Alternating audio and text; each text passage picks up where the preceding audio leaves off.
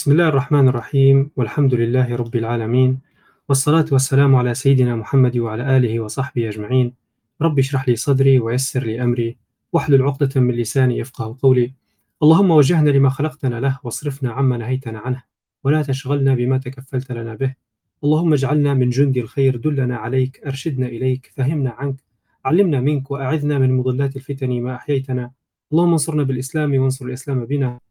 واجعلنا حجة له لا عليه واجعله حجة لنا لا علينا. السلام عليكم ورحمة الله وبركاته. أهلا وسهلا بكم مستمعينا الكرام في الحوارية الثانية والعشرين بعد المئة من برنامج تساؤلات على قناة المنتدى الفكري. قال الله تعالى وبشر الصابرين الذين إذا أصابتهم مصيبة قالوا قالوا إنا لله وإنا إليه راجعون. أولئك عليهم صلوات من ربهم ورحمة وأولئك هم المهتدون. وقال أيضا ولا تهنوا ولا تحزنوا وأنتم الأعلون إن كنتم مؤمنين. صدق الله العظيم. ما يحدث في هذه الأيام؟ وهذه الأثناء في فلسطين المحتلة وفي غزة الأبية الجريحة الآن كان صفعة للعالم أجمع للصهاينة المعتدين الظالمين للعالم المتشدق بالمبادئ والقيم الإنسانية. وكذلك صفعة للمسلمين في كل بقاع الأرض وخاصة العرب المجاورين. ما أحدثه عدد قليل من رجال المقاومة في قطاع غزة المحاصر لأكثر من 16 سنة. والقابع تحت تهديدات أمنية ووضع غير مستقر ويطرح علينا كثير وكثير من الأسئلة المحرجة ومنها أين شبابنا من هذه الإمكانيات؟ أين تطبيقنا للأمر الإلهي؟ وأعدوا لهم ما استطعتم من قوة ومن قوة ومن رباط الخيل ترهبون به عدو الله وعدوكم. أين عقولنا المبدعة؟ ما الذي ينقصنا ينقصنا لنصل إلى هذا المستوى لمستوى أبطال المقاومة؟ ونحن الذين نمتلك من الإمكانيات والحرية الكثير والكثير. وعلاوة على هذا الجانب من التفكير فإن فقط مجرد النظر بمنظار الحياة العادية اليومية منظار إيجاد فرص عمل والاكتفاء الذاتي والحصول على مصدر رزق يخدم من الإنسان نفسه ويعول به عائلته وأسرته يطرح لنا سؤال مهم جدا أين شبابنا في ميدان المهني والحرفي الحر؟ أو ما حبينا نسموه في هذه الحوارية اللي هو الاحتراف المهني. وإن شاء الله اليوم حنحكي فيه معكم أنا عبد الرحمن الخنجاري مع ضيفي العزيز حامد الهوني. حامد حامد الهوني هو أستاذ جامعي بكلية تقنية الحاسوب جامعة طرابلس وناشط مجتمعي في مجال التقنية والتوعية بها ومهتم بتصنيع وتصميم الأجهزة الإلكترونية والأنظمة المدمجة وعنده ما شاء الله يعني كثير من نشاطات في هذا الموضوع. فأهلا وسهلا بك أخوي حامد. السلام عليكم. أهلا وسهلا بك أخوي عبد الرحمن. شكرا لترشيحكم والاستضافة في الحوارية هذه اللي نسأل الله أن, يت... أن تكون مفيدة للجميع إن شاء الله. آمين آمين يا رب العالمين. آه هو شوف حامد أنا حاولت نوعا ما ندير مقدمة على يعني نحاول بها نربط الموضوع ببعضه ونبين إحنا علاش أصلا نبغى نتكلموا على هذا الموضوع. حنبدا بمحورنا الأول. إحنا ليش يعني بنتكلموا على الموضوع هذا في الوقت هذا؟ وليش نشوفها بنظرك إنه مهم يا حامد؟ خلينا ندردشوا دردشة قبل ما ندخلوا في الموضوع الرسمي. نبي نسمع رأيك. بسم الله والصلاة والسلام على رسول الله. هو حسب ما دردشنا قبل في الإعداد إحنا نبو نبو نربطوا اللي هي المهن اليدوية أو الحرفية بالجانب الأكاديمي اللي تو بان علينا زي ما أنت في مقدمتك على موضوع المقاومة في غزة نسأل الله أن ينصرهم ويثبت أقدامهم. كيف قدروا بالامكانيات البسيطة زي ما انت شرحت والمحدودة جدا إن هم يقدروا يصنعوا ويخترقوا ويديروا اختراق تكنولوجي نتيجة شنو؟ نتيجة فهمهم وربطهم ما بين اللي هي النظريات اللي موجودة ويعرفوها مثلا في علوم الحاسوب وعلوم الإلكترونيات وفي علوم واحد والعملي اللي هو الحرفة والمهنة والشيء اللي كيف أنت تحقق تغير النظرية تحولها من شيء موجود على الكتابات وموجود في ورق إلى إلى إلى إلى حاجة عملية أو حاجة ملموسة على أرض الواقع. فلعل لعل الكلام هو ممكن نحجوا به همم الشباب إنه يتجهوا أكثر للربط ما بين الجانب العملي والنظري اللي هي فعلا ما هيش حاجة يعني سهلة بس هي تجي مع الوقت ومع الممارسة ومع إنه يكون فيها شغف وتكون الأهداف إن شاء الله واضحة يعني. بارك الله فيك بالفعل يعني حاب نضيف على كلامك هذا انه يعني محتاجين فعلا شحذ همم الشباب ومحتاجين أيضا يعني الشباب عندهم بوصلة عندهم رؤية المشكلة لما تبدأ ما عندكش أنت هدف تسعى له ما عندكش نقطة تشوف لها أو شيء تبي تشتغل عليه يبدأ طاقتك مهدرة وما عادش عندك هذيك الحماس ولا الرغبة إنك أنت تتحرك تدير شيء. هذا عكس ما نشوف فيه الآن يعني في عند المقاومة في غزة. عندهم هدف واضح عارفين شنو يديروا. ويعني وبادلين يعني زي ما قلت يعني كل ما يملكوا لدرجة إن لما تجي تشوف هل تتخيل إن هذول الشباب مضيعين أوقاتهم مثلا والله قاعدين قهوة كل يوم ولا انهم ولا عندهم بيلعبوا PlayStation ولا ما تحسش إن الناس هذه عندها وقت تضيع فيه. بدرجة ان تشوف كأنهم هم كل ثانية من وقتهم مستغلة. كل معلومة عندهم استغلوها بالاستغلال الأمثل. يعني وين من الموضوع هو؟ يعني أنا هذا اللي لفت نظري صراحة ويستحق إن إحنا نحكوا نحكوا فيه. على سيرة موضوع الربط ما بين العملي والنظري وفينا حكينا على موضوع المقاومة. يعني من أشهر المهندسين اللي كانوا عندهم رحمة الله عليه اللي هو محمد الزواري. طبعا هذا عالم تونسي. يعني هو كان متخصص في الهندسة الميكانيكية والحاسوب دمجهم مع بعض وكانت عنده خبرة في التصنيع. فهو يعتبر نوعا ما الأب في آه، طائرات بدون طيار يعني اللي تستخدم فيها المقاومة الآن. يعني جننت بها الكيان الصهيوني. فشوف يعني طبعا اغتالوه بعد يعني بعد ما يعني يعني استخبارات وكذا وغيرها. بس الفكرة وين؟ انه هو لما يحكوا عليه في الفيلم وثائقي انه هو فعلا كان عبقري كان مسخر العلوم يعني الميكانيكية والحاسب في موضوع تصنيع الطائرات بدون طيار. وفي قبلها طبعا مهندسين يعني حتى هم رحمة الله عليهم زي يحيى عياش و... وتيتو مسعود. وزي ما نعرفوا أيضا في تركيا عندهم اللي صنع الطائرة بدون طيار اللي هو بيرقدار سمت باسمه. كلها لما جيت ترجع تلقاها كلها إن هم سخروا العلوم وانجوا بها شيء ليهم هم. لأن إحنا عادة مرات نقولوا لا نراجعوا في التكنولوجيا جينا من الغرب نراجعوا في التكنولوجيا جينا من مستوردة من الخارج. ليش إحنا ما نصنعوهاش؟ ليش إحنا ما نبداش عندنا حاجة خاصة بنا فهذا كي حبيت غير نربط الموضوع ببعضه في المحور هو.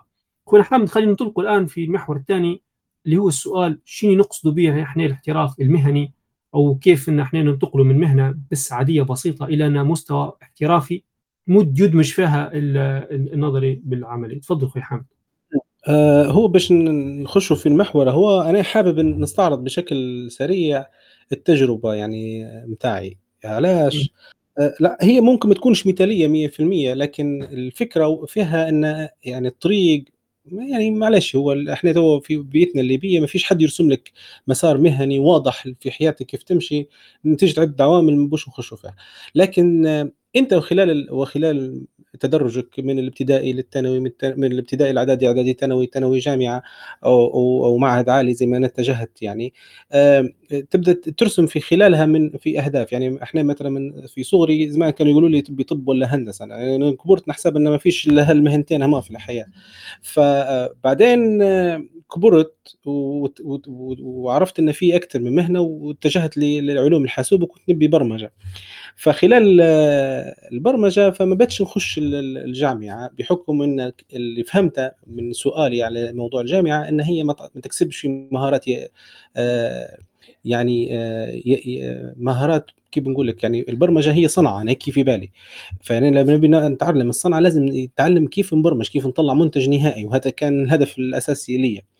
آه، فلما عرفت إن الجانب النظري في الجامعة أكثر من انك انت تطلع تعرف تدير حاجة آه، واكتشفت إن في المعاهد العليا وهي معهد العالي لتقنيات الحاسوب اللي هو موجود في غوط الشعال كانت صيته أكثر فاتجهت غادي يعني من البداية كان نبي يعني متجه انه يكون في حاجة عملية وتطلع ونكون شخص منتج لشيء آه، آه، موجود. في الوقت مش عارف شنو هو لكن أنا هذا هو هذا هذا الهدف المرسوم الكبير. بعد ما قررت أن نكون يعني مهندس كمبيوتر. فخلاص لما كان في برمجة السمسترات الأول السمستر الأول كانوا يقروا فينا في مادة اسمها دوائر كهربائية. فربي يذكره بالخير الدكتور عبد الله كان اسمه الدكتور عبد الله سعيد قراها لنا بطريقة هو تخصصه فيزياء. وفي خلال الشرح وكان يوصف بطريقة معينة أنا أنا مش عارف كيف في هذاك الوقت على عكس باقي زملائي اللي كانوا ما يحبوش يشوف في عقد في المادة أنا حسيت انه مسهلها. علاش؟ تض... يعني في زي ما تقول تلاقت ال...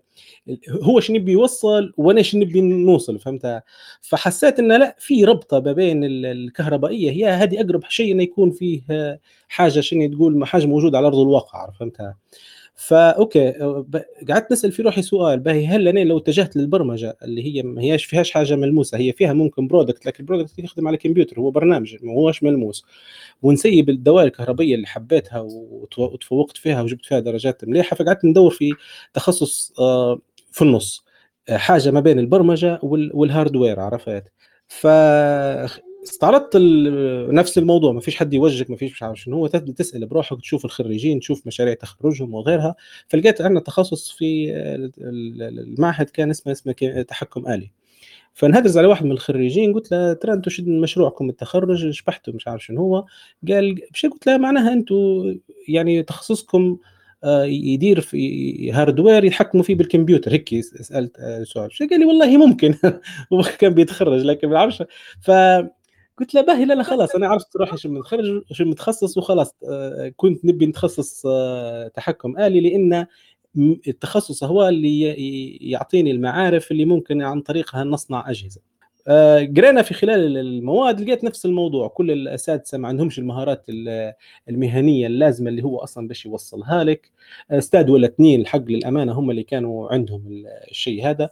وواحد منهم كان عراقي. آه، استفدت منهم استفادة مش عادية. بعدين تعرفت على خريجين نفس المعهد هو آه، نفس التخصص اتجهوا لسوق العمل وفتحوا لروحهم مجالات لها علاقة بال hardware وقعدت نصنع في مشاريع فصلية لغرض إني اولا نصفي المادة اللي هي مطلوب فيها المشروع، المشروع ما كانش لازم ندير hardware، ندير أي حاجة، حتى كان simulation وحاجات كانت على MATLAB وغيرها، لكن أنا اتجهت إني قلت له لو نبي ندير hardware قال لي كأنك بدير ادير أنا ما نبيش تفكر فيه دكتور المادة ما قالش ريبي، قلت له خلاص أنا بندير hardware وقعدنا نستعينوا بالأساتذة هذه إن هم يوجهونا. والحق لما أنت يشبحوك هيك الناس إنك أنت أو الأساتذة أو الدكاترة أو أو حد تتواصل معاه إنك أنت آه، واضحة الطريق قدام قدامك وتبي الموضوع هذا طول يساعدوك يعني ما فيش حد بخل علينا ومساعدة كانت free يعني مش حتى بتاع طلب عليك ولا حاجة. فمن هنا لين تخرجت لقيت روحي إني مكتسب مجموعة من المهارات اللي هي تخليك تربط ما بين إن لما تنشرح على السبورة مثلا معادلة والمعادلة هي تشرح في حركة شيء معين أو في آه، لما تحطها في مثلا chip آه، معينه تبرمجها تدير شيء معين إلى إن نقدر نتخيل شنو هو ال hardware اللي المفروض نحط فيها هي أو شنو المفروض نبنيها هو باش نقدر أنا آه، نخلي الشيء هذا موجود على أرض الواقع. هو وهو الأمانة يعني ما جتش في يوم وليلة هي تحس إنها رحلة هيك ما بين إنك تصنع وتفشل وترجع وتشوف لين لين توصل أنت للشكل هو.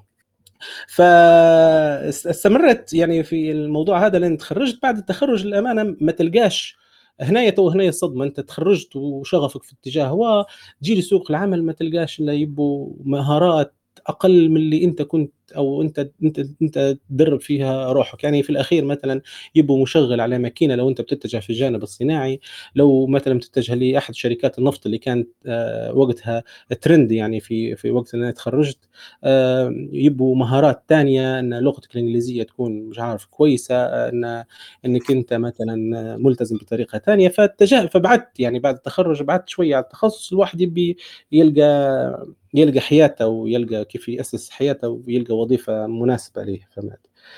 آه فالشاهد من الكلام آه إن بعد فترة معينة رجعت ودرت الماجستير متاعي ورجع نفس الشغف آه، رجع من جديد والتفكير بطريقة ثانية ونفس الموضوع في الماجستير الرسالة ما كان مطلوب في هذاك الفترة إن إحنا لازم نديروا حاجة ملموسة وتكون hardware لأن التخصص كان اسمه mechatronic واتجهت إني ندرس بروتوكولات الكمبيوتر أكثر وخذت البروتوكول USB وكانت ال thesis بتاعي إني أنا آه، نصنعوا به sensor يكون صناعي موجود داخل ماكينة وقصة هي. وصنعناه ومشت الأمور. فال 2009 لما كملت الماجستير لقيت عندي مجموعة من المهارات اللي اللي اللي تأهلك إنك أنت لو في البلاد هي كان فيها مثلا صناعات إلكترونية متقدمة إنك أنت تكون يعني تصنع أي hardware أو تصمم أي hardware وتلقاه يعني فهمت؟ بس خلص اتجهت في الجانب الأكاديمي وأصبحت أستاذ جامعي في نفس المعهد واللي هو ولا بعدها كلية تقنية اللي هو معهد هذا غوط الشعال هو معهد اسم الاسم الرسمي كليه تقنية الحاسوب طرابلس. وبدأت نحاول نوصل الفكرة هي لل لمني الطلبة اللي أنا نقري فيهم يعني انه لازم يكون في hardware ولازم آه، تفتح حفائق على ال hardware لكن ديما تبقى المشكلة في الموضوع. هو تو إنك أنت آه، شنو هو الشغل اللي بتشتغل به okay أنا أخذت hardware يسألوا فيها نفس السؤال. واللي تو ما عنديش فيه آه، إجابة. لكن هي في الأخير يعني الموضوع يقول لك إن هي رزق بيد العالمين. يعني أنت بتدير جهدك بتسعى إنك أنت تخلص النية لله سبحانه وتعالى. بعدين ربي هو اللي يتولى موضوع الرزق لكن بتاخذ بالأسباب يعني فهمت؟ لكن آه، مع هذا كله في ناس يبقى عندها شغف وأنا في مع تواصل مع كثير من الخريجين. يعني في المعهد اللي في الكلية ولليوم قاعدين ماشيين في موضوع ال hardware إضافة إنك بديت نتلاقى مع أساتذة بديت نتلاقى مع هواة آه، شغلي فصل كأستاذ أكاديمي آه، خلاني نزيد دائرة معارفي اللي هي لها علاقة بالجانب اللي أنا مهتم فيه لجانب اليوم. آه، في في كورونا نتيجة نشاطي ومعروف علي إني بتاع hardware تواصلت معي منظمة حقوق الحرة هي منظمة حتى هي مجتمع مدني معنية بالإلغام والتخلص منها. وكانت عندهم مشكلة إن حتى هم يبوا يصلحوا أجهزة هذيك الفترة تدير في يعني جزء بسيط من جهاز يتخلص من القذائف غير متفجرة عرفت؟ ف فسبحان الله يعني تحسها هيك حاجة إلهية إن إن إن بعد الفترة هذه كلها واحد أو جهة معينة تستفيد بخبرتك في وقت كانت البلاد مسكرة فيه. وتعرفوا موضوع الكورونا كيف تسكرت الطيران وتسكر كل شيء. وكانوا لازم يكون في حل. وقتها طرابلس وأنا في حالة حرب وكانت آه، جنوب طرابلس كيف آه، تم تحريرها. وبتبدا شغل المنظمات في في في تنظيف المكان وغيرها من الحاجات. فالمو فاشتغلنا على إن نصنعوا فعلا جهاز في هذيك الفترة يكون ريبليسمنت لجهاز هم يستخدموا فيه ونجحنا ان ان إن حتى نصنعوا لهم منه مجموعة من الحاجات. نتيجة شنو؟ نتيجة الخبرات اللي كنت أنت في هذيك الفترة تشتغل تشتغل عليها وتلقط فيها وتدير فيها اللي هي كانت نوعا ما هواية يعني فهمتها ف... فما تعرفش يعني ال... ال... كيف. يعني لما نجي مثلا نربط بأحداث زي ما كنا نقولوا أحداث غزة والزواري رحمة الله عليه وغيرهم من المهندسين اللي كانت عندهم بصمة في اللي مشهور وفي اللي ما طلعش اسمه لأن هذا الشغل اللي صاير تو هو هذا شغل فريق يعني مستحيل يكون شغل فرد واحد يدير فيه. فأكيد في ناس ساهمت في اللي ساهم في حل مشكلة بسيطة في اللي ساهم في آه، في في في إيجاد مخطط معين في اللي ساهم في تطوير تقنية معينة. الفكرة في الكونسبت لازم أنت تعرف أساس الشيء. باش انت تقدر تبني به وتقدر تحصل به replacement فهمتها كيف؟ يعني بحكم خبرتي تو في في مواضيع ال hardware انت ممكن تصنع الحاجة ب مثلا ب 10 دولار أو خلينا 10 دولار شوية في الحاجة هي خلينا نقول ب 100 دولار وممكن تصنعها ب 1000 دولار يعني فهمتها؟ لكن شنو الفرق ما بيناتكم؟ الفرق ما بيناتكم الخبرة. اللي خبرته مثلا آه، بسيطة مثلا في الموضوع هذا ومش متعمق مثلا في أرقام القطع الإلكترونية وال IC وال والآي سيات وغيرها يلقى معارفة محدودة في الحاجات هي اللي هي ممكن تكون تجارية ومتوجه ويعرفوها الناس. لكن مثلا معارفة هلبة وعنده خبرة أكثر في الموضوع هو يقدر يحصل نفس الجودة ويقدر يختار نفس القطع مثلا لو جينا في في الجانب هذا. ف ف هذا هذه إجابة هي مايعة هلبة على السؤال لكن هذا اللي نبي نقوله إن إن الربطة ما بين الجانب الأكاديمي أو الجانب العملي والجانب النظري محتاجة من الشخص اولا شغف آه، بالموضوع. محتاجة منا إنه يرسم لروحه آه، هدف معين محتاجة منا إصرار آه، والطريق ما هياش دروج يعني هي فيها up and down يعني. أنا مرات بسنوات كنت بعيد هلب على المجال هذا اللي مركز عليه مثلا وظيفتي وغيرها من الجانب هذا. بعدين الواحد يلقى لأنه هو لأنه هو مهتم بالموضوع هذا يجيه يجيه يرجع له يعني فوق لوطه فوق لوطه لين يوصل المجال هذا. وهذا ممكن يتواجد أو ممكن تقدر موضوع هو أعتقد انه لما ندرس مع هالبنات تلقاه ماشي مع أكثر من شخص وفي أكثر من مجال. يعني لو مهما كان خلينا نقول مثلا مجال بسيط زي مثلا الكتابة أو القراءة آه سوري الكتابة أو مثلا الترجمة أو غيرها من الحاجات اللي ممكن الشخص آه، يتفرغ لها فترة معينة ويدير ويوصل. فهمت؟ على حسب آه، آه، ما يتوفر له من من وقت. فإن شاء الله تكون واضحة الأمور عبد الرحمن هيك؟ الله يبارك فيك حمد جزاك الله كل خير. أنت اعطيتنا رحلة يعني زمنية كيف صارت ال... وعرجت لها البريقات تستحق التساؤل حولها يعني. خلينا نعطيك أبرز الأشياء اللي لمستها في كلامك. إنه في عندنا إحنا طبعا سامحونا إحنا السؤال تو نجاوبه بعدين موضوع شنو نقصد باحتراف المهني. تو خلينا يعني كان إحنا تو نحكوا على الموضوع هذا في ليبيا بصفة عامة طبعا نعرفوا على شنو هو. لكن الباين أن من كلامك أن في الحوسة اللي حكيت عليها في البداية ما فيش توجيه ما فيش من يوجهك بالخصوص يعني خاصة لما شاب عنده مهارات وعنده شغف معين في مجال تقني ولا غيره ما فيش هذاك التوجيه الواضح من البداية. أه الحمد لله لك انت قلت حاجة كويسة أن الدكاترة يدعموا وهذه نقطة إيجابية الحق يعني مشجعة أن إذا كان انت واحد عنده فكرة ويعرضها على الدكاترة تعرف ممكن يساعدوا فيه. انت أشرت لموضوع مشاريع التخرج ودورها في آه، دفع الطالب إنه هو يهتم بمشاريع تكون ذات جودة ذات قيمة ذات أثر ذات نفع. وهنا يبدأ في تفكير إنك أنت كيف تخلي مشروع التخرج بتاعك يساهم في حل مشكلة مشكلة معينة موجودة عندنا في بلادنا. أو إنك أنت تعد لتصنيع شيء ممكن نلقوه بعدين. آه أنا عجبني انك كيف سبحان الله في البداية تقعد تحكي تحكي تحكي لين وصلت لجزئية موضوع الألغام. كيف أنا سبحان الله يعني أنت المهارة هذيك اللي كنت تبني فيها وشغفك كيف تربط النظري بالعملي وكيف تحول موضوع موضوع البرمجة إلى تحكم آلي بالكمبيوتر. الهاردوير يقصد به الأجهزة الإلكترونية الملموسة. يعني انت جيت لقيتها بعدين الله سبحانه ربي سخرك إنك أنت تكون في وقت انه كان في موضوع ألغام فكنت أنت قدرت تساعد ذلك الفريق. فسبحان الله يعني كم من مهارة بنيت واشتغل عليها شخص فترة شبابه بشكل تطوعي. أو يعني بحكم من الهواية اشتغل عليها وطورها بشكل صح يجي في يوم من الأيام تكون زي الذهب. الواحد يلقاها في في موقف وقت الحاجة في وقت الشدة للبلاد اللي هي فيها يعني وهو قاعد فيها. أو مرات زي أزمة زي الواحد مثلا محتاجين مقاومة محتاجين مساعدة بتصنيع قطعه معينة ناقصة الواحد يكون جاهز.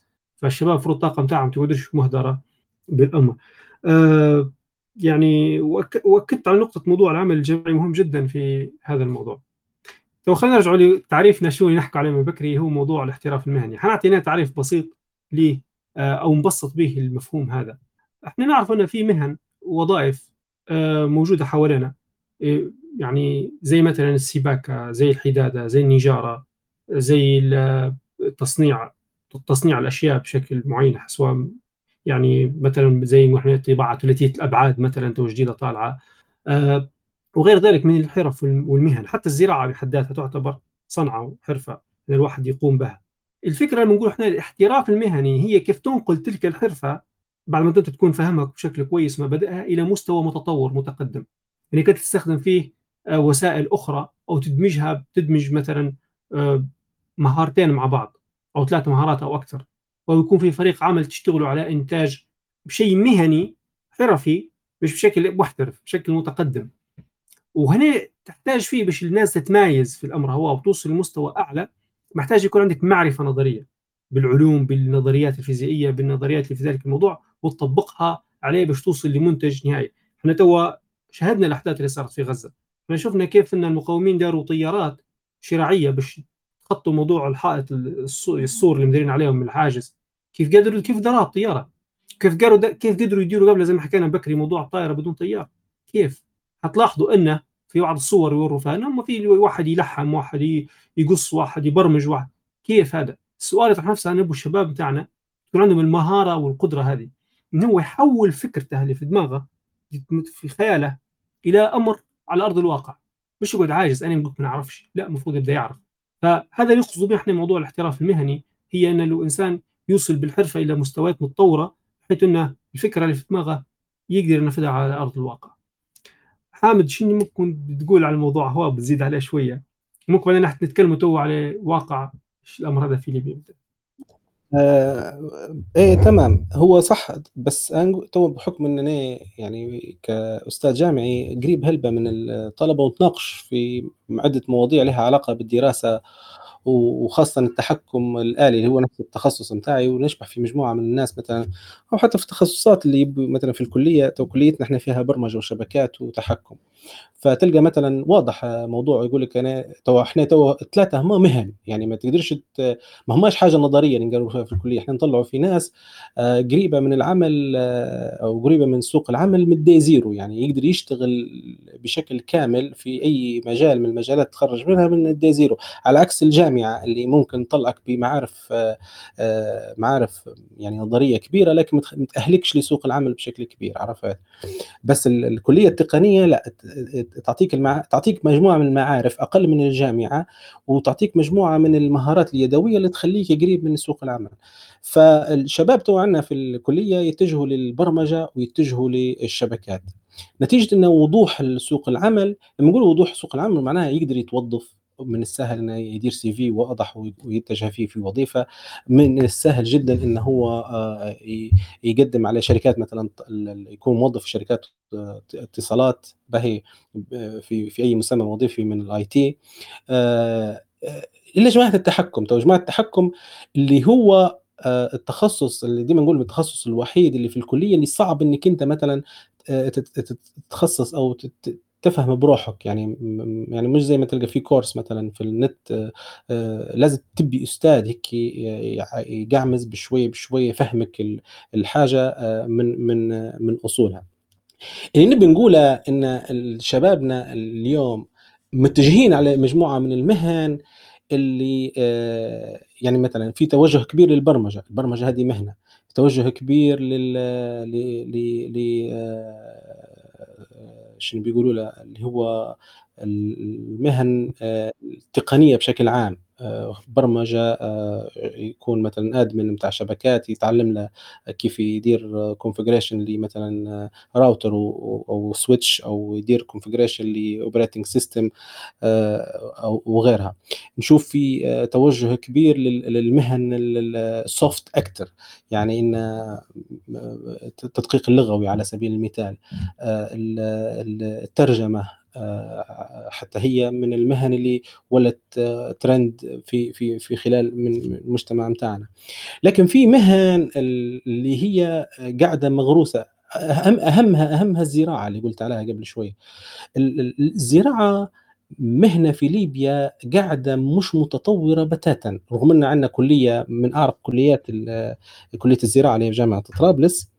لكن ما فيش ما عندناش شباب أو على الأقل عندنا مزارعين قاعدين يديروا يعني يزرعوا بطريقة تقليدية من من قديمه قديمة. يعني ما فيهاش أي نوع من أنواع التطور عرفت؟ ولعل ممكن السوق هو محتكر. ما نعرفش آه، هل يعني ما نعرفش لكن نشوف فيه إن التقنيات الزراعية من أهم المهن اللي المفروض إحنا نهتموا بها ونضخوا ويضخوا فيها الشباب. وأنا متأكد إن فيها باب رزق آه، فيه الخير والبركة. يعني الناس كل يوم تاكل الناس كل يوم تبي آه، تبي خضرتها مثلا على سبيل المثال أو تبي علفة ل ل إيش نسمع للبهائم بتاعها أكرمكم الله. فالمهن هذه مهنة أنا نبي نركز عليها تو نبي نقول يا ناس اتجهوا للزراعة وفي هالبلاد هي في حاجة ثانية مثلا اللي أنا نشوف فيها حتى هي مهمة آه، المهن الحرفية اللي لها علاقة بالحرفة زي زي النجارة مثلا آه، النجارة هذه نشوف فيها هنا من حاجة توب يعني بحيث إنك أنت تبدأ من فكرة التصميم للتصنيع كله يدير فيه مثلا فريق من أو نجار معاه فريق من الموجودين علاش؟ لأن فيها دقة مش عادية فيها تعامل مع مجموعة من الآلات فيها شكل معين يدير وفي حاجة ثانية ممكن نحكي عليها اللي هي المهن اللي ما يتجهولهاش أبناء المدينة يعني. طبعا مثلا تلاحظ إن مثلا في في البناء والتشييد تلقى المقاول مثلا ليبي لكن مثلا الصنايعية اللي معاه اللي هو خاصة النجار خلينا نقول اللي يدير الخرسانه ويوطي مكان الخرسانه ويصب باش يصب العرصة وغيرها تلقاها من عمالة من من دول المجاورة أكثرها ما تكون من مصر مثلا. آه لكن في نفس المجال هو مثلا تلقى السباك. السباك معظم فيه هلبة سباكين ليبيين. وما شاء الله يعني مطلوبين في سوق العمل. يعني ما يقول لك والله ناخذ السباك الليبي أحسن من السباك المصري اللي ممكن ما عادش نلقاه لكن هذا الليبي عايشة بيناتنا ونقدر حتى تصير لي مشكلة في الحوش. نرجع له ويخدم بسمعته. في كهربائيين ليبيين ويطلعوا في الخير والبركة عرفت؟ يعني في المجال هو. فهذه يعني الاحتراف المهني اللي نحكوا عليه. يعني إنك أنت آه تقرر إنك تكون في مهنة معينة وتحاول تطور فيها وتوصلها لأعلى قمة فيها. فهمت الفكرة كيف؟ إنك أنت تكون متابع للي موجود فيه. من المهن مثلا اللي هي توا مثلا موجودة في ليبيا وليبيين خشوا عليها بكثرة مثلا الحلويات. في في هلبة مثلا اللي هم اللي يصنعوا في الحلويات الصنايعية الكبار اللي مداير تحت تيم وما شاء الله يعني يدخلوا في آه، مداخيل كويسة. وفي نفس الوقت عندهم ابتكارات في مجال الحلويات الليبية وتطويرها. فهي الصورة ما هياش قاتمة لكن ما هياش آه، موجهة. يعني هي تفاعل مجتمعي اكثريتها مع الرزق وين فيها فلوس أكثر الناس تتجه أكثر يعني هذا هذا هذه من الأخير هذا اللي صاير. فيقول لك أنا والله نتجه للمهنة اللي ممكن نتوظف فيها آه، أسهل. نتجه للمهنة اللي آه، آه، الجهدي باش نطلع مثلا مكسبي وراس مالي أسرع. فهمتها نتجه للمهنة اللي مثلا مدعومة أكثر من من الدولة. وفي نفس الوقت كل منطقة في المناطق ما شاء الله ليبيا هي كبيرة آه، عندهم آه، عندهم توجه معين في في في المهن. يعني إحنا توا في طرابلس والساحل عندنا توجه للمهن اللي هي السوفت أكثر. تلقى مثلا في مناطق مثلا زي جبل الأخضر وغيرها في أكيد أنا متأكد إن في المهن الزراعية آه، تطغى غادي وكذا في تقنيات متداولة للزراعة وغيرها بس ما فيش توثيق ممكن لها أو أو أو, أو تداول للمعلومات اللي موجودة فيها. في الأخير إحنا محتاجين بوصلة توجه الناس بحيث إنها تكون المهنة هي آه، آه، واضحة للجيل الجديد اللي بيطلع. آه، التراك بتاعها مثلا يكون أسهل لها وباش يوصل لها يعني كل حسب رغبته. إحنا ما نبوش نوجه الناس مثلا يعني مش نديروا حاجة شمولية هيك بتاع أنت لا أمشي غادي إحنا نبوا غادي لا الناس خلاها ترغب في الحاجة هي لأن الرغبة هي المفتاح الإبداع في أي شيء ممكن انت وتستمر فيه يعني مهما واجهك من من صعوبات. ف يعني هذا مش ما هوش باختصار هذا باستفاضة فكرتي على الاحتراف المهني يعني. الله يبارك فيك الله يبارك فيك يا حمد جزاك الله كل خير. وأشرت لي حتى المرة هذه عدة أشياء لفتت انتباهي. آه، منها موضوع الفرق ما بين الجامعات وبين الكليات التقنية. الجامعات عادة في نظري إن هي كان تعليم نظري بشكل كبير. أما الكليات التقنية فيها جانب عملي فيها تطبيق وهذا آه، أنفع. وعلى سيرة وما دام تكلمنا قلنا جامعة وقلنا معهد نرجع لموضوع التعليم. آه، مر علي قبل في دراسة تحكي على موضوع التعليم في ليبيا. تقول لنا في فترة النظام السابق كان في آه، محاولة لدعم الكليات التقنية فتم إنشاء عدد من الكليات ما كانش موجودة من قبل فتم إنشائها باش يساهموا في موضوع سد العجز في سوق العمل وتشجيع الشباب على الخدمة. بس لاحظوا أنه صار في فشل في الموضوع هو مش بسبب أنه ما داروش كليات لا داروا كليات لكن المشكلة كانت النظرة المجتمعية لموضوع المهن. فكانت الناس قاعدة تفضل أن تبي أبنائها يدرسوا في الجامعات ما يبوهمش يمشوا يدرسوا في كليات المهنية والتقنية. زي ما معهد نصر الدين القمي اللي هو سموه كلية الآن. آه يعني تغير المسمى بتاعه. آه كذلك زي ما قلت أنت معهد مثلا آه غوت الشعاله بتاع الحاسب وغيرها طبعا تكلمنا عن السياق طرابلس أكيد الامر على باقي ربوع ليبيا. الامر هذا نفس القصة. يعني تم الناس هجره الكليات هذه. يعني مش بشكل كبير نقصد أن يمشوا لها طلبة لكن مش بالحجم المتوقع انه يمشوا لها.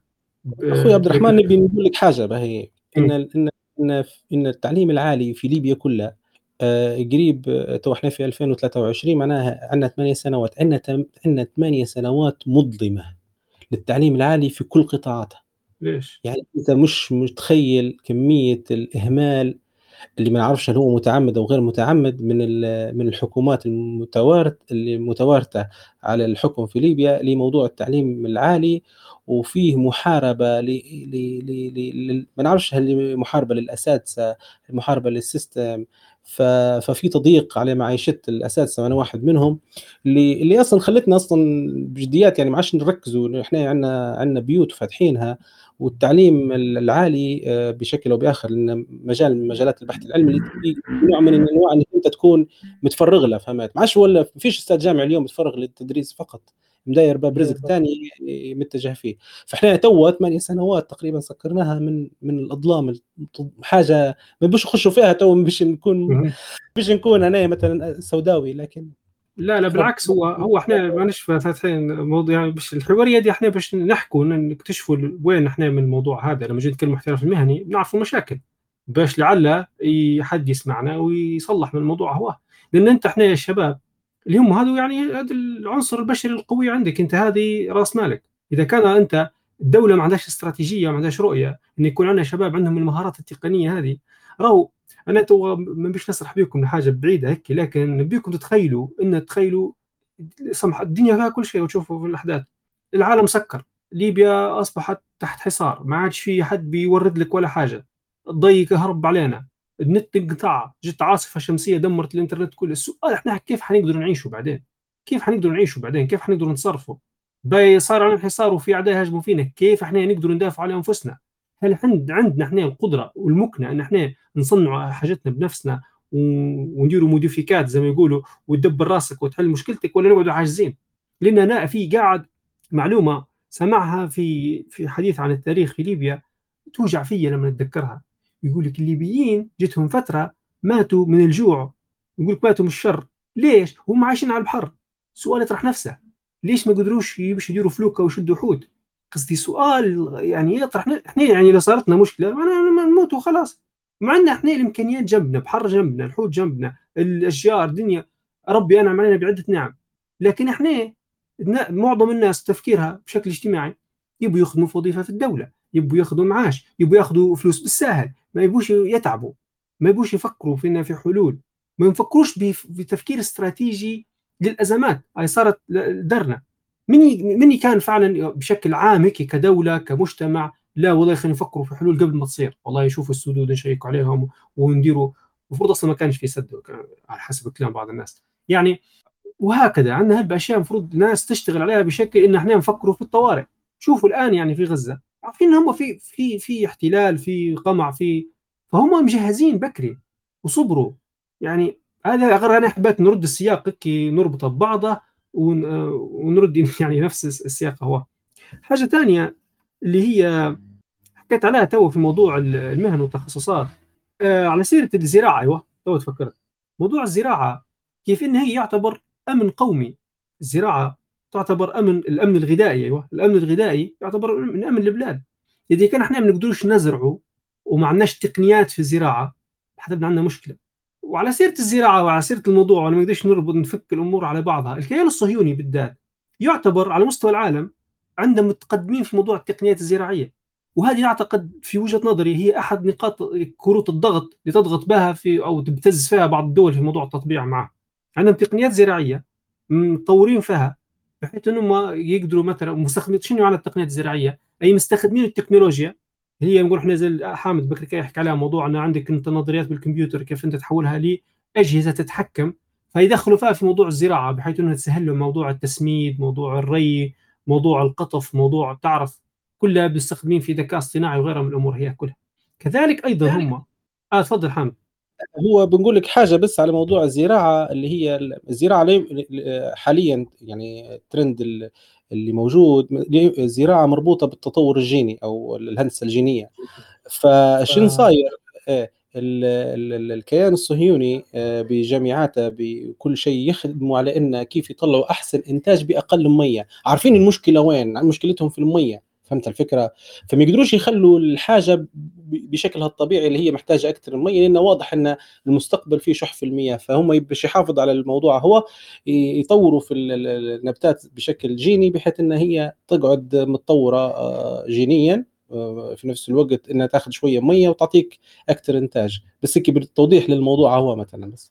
بشكل شخصي أنا ضد موضوع التطوير الجيني صراحة. أنا هيك عندي قناعة أن المفروض النبته بالدي إن اي بتاعها بتقعد زي ما هي وهذا تعتبر اللي يديروا فيه في وجهة نظري إفساد في الأرض. بيحاولوا يقللوا ما يقللوا ده موضوع ثاني فالمفروض لأن هذا بعدين يعني في في شركات الآن حول العالم في موضوع التغيير الجيني فسدوا النبته بحيث انه بطريقة شيني هم ينتجوا مثلا يقول تفاح ولا ينجوا لك كنجاص ولا كذا. تأخذ التفاحة ونجاصها ما عادش تقدر تزرعها أنت. خذ الزريعة بتاعها تنبتها ما عادش تنبت لك. يعني هم ينتجوا ما يخليكش انت تزرع منها؟ هذا افساد في الأرض يعني. وكلها يصب في موضوع العقلية الرأسمالية الاستهلاكية الكبيرة. ما مش نخش في ذاك الطريق. لكن حديثك. على المياه نفسها. أنا كان مشروع تخرجي على موضوع محطات تحلية المياه.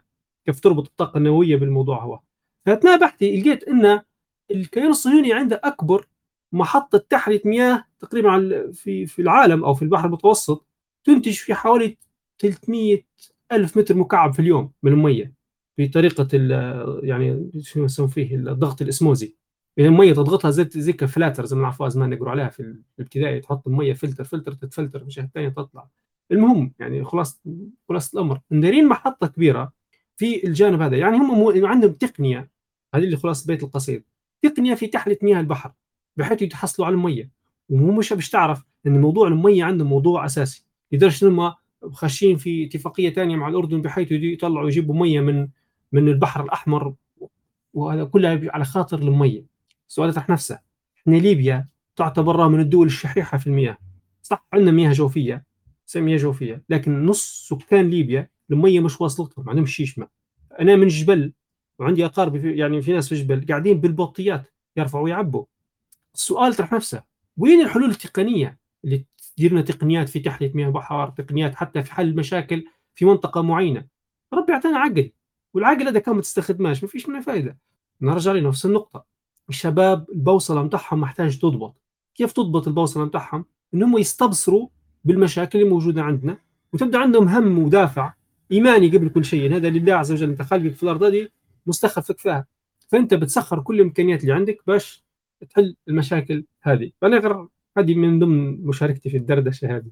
آه حامد لو بتعلق على الموضوع هذا وبعدين بندخلوا نصائحك وتوجيهاتك للي يبي يبدأ مشوار اللي أنت زي اللي أنت مدايره. وممكن تحكي لنا شوية حتى على مشروعكم الأخير بتاع إنجريفا. آه كيف كيف بديتوا تطبقوا في الأمر هذا بشكل عملي كنموذج ناجح؟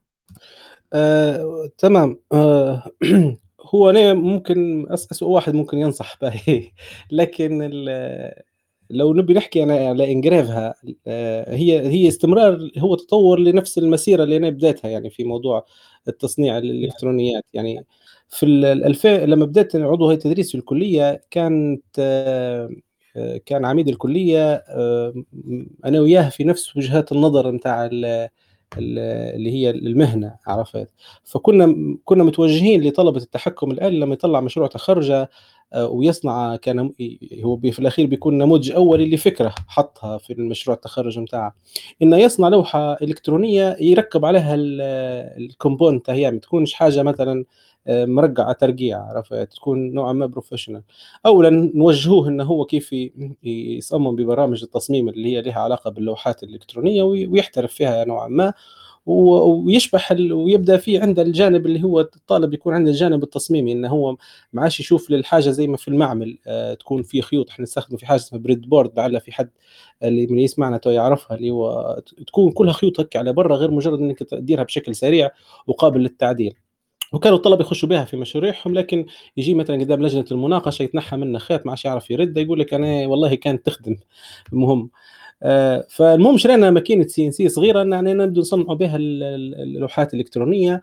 وأنا مره مرة بعد قداش ندير في workshop كيف تستخدم البرامج أو software ات التصميم الإلكترونية وغيرها.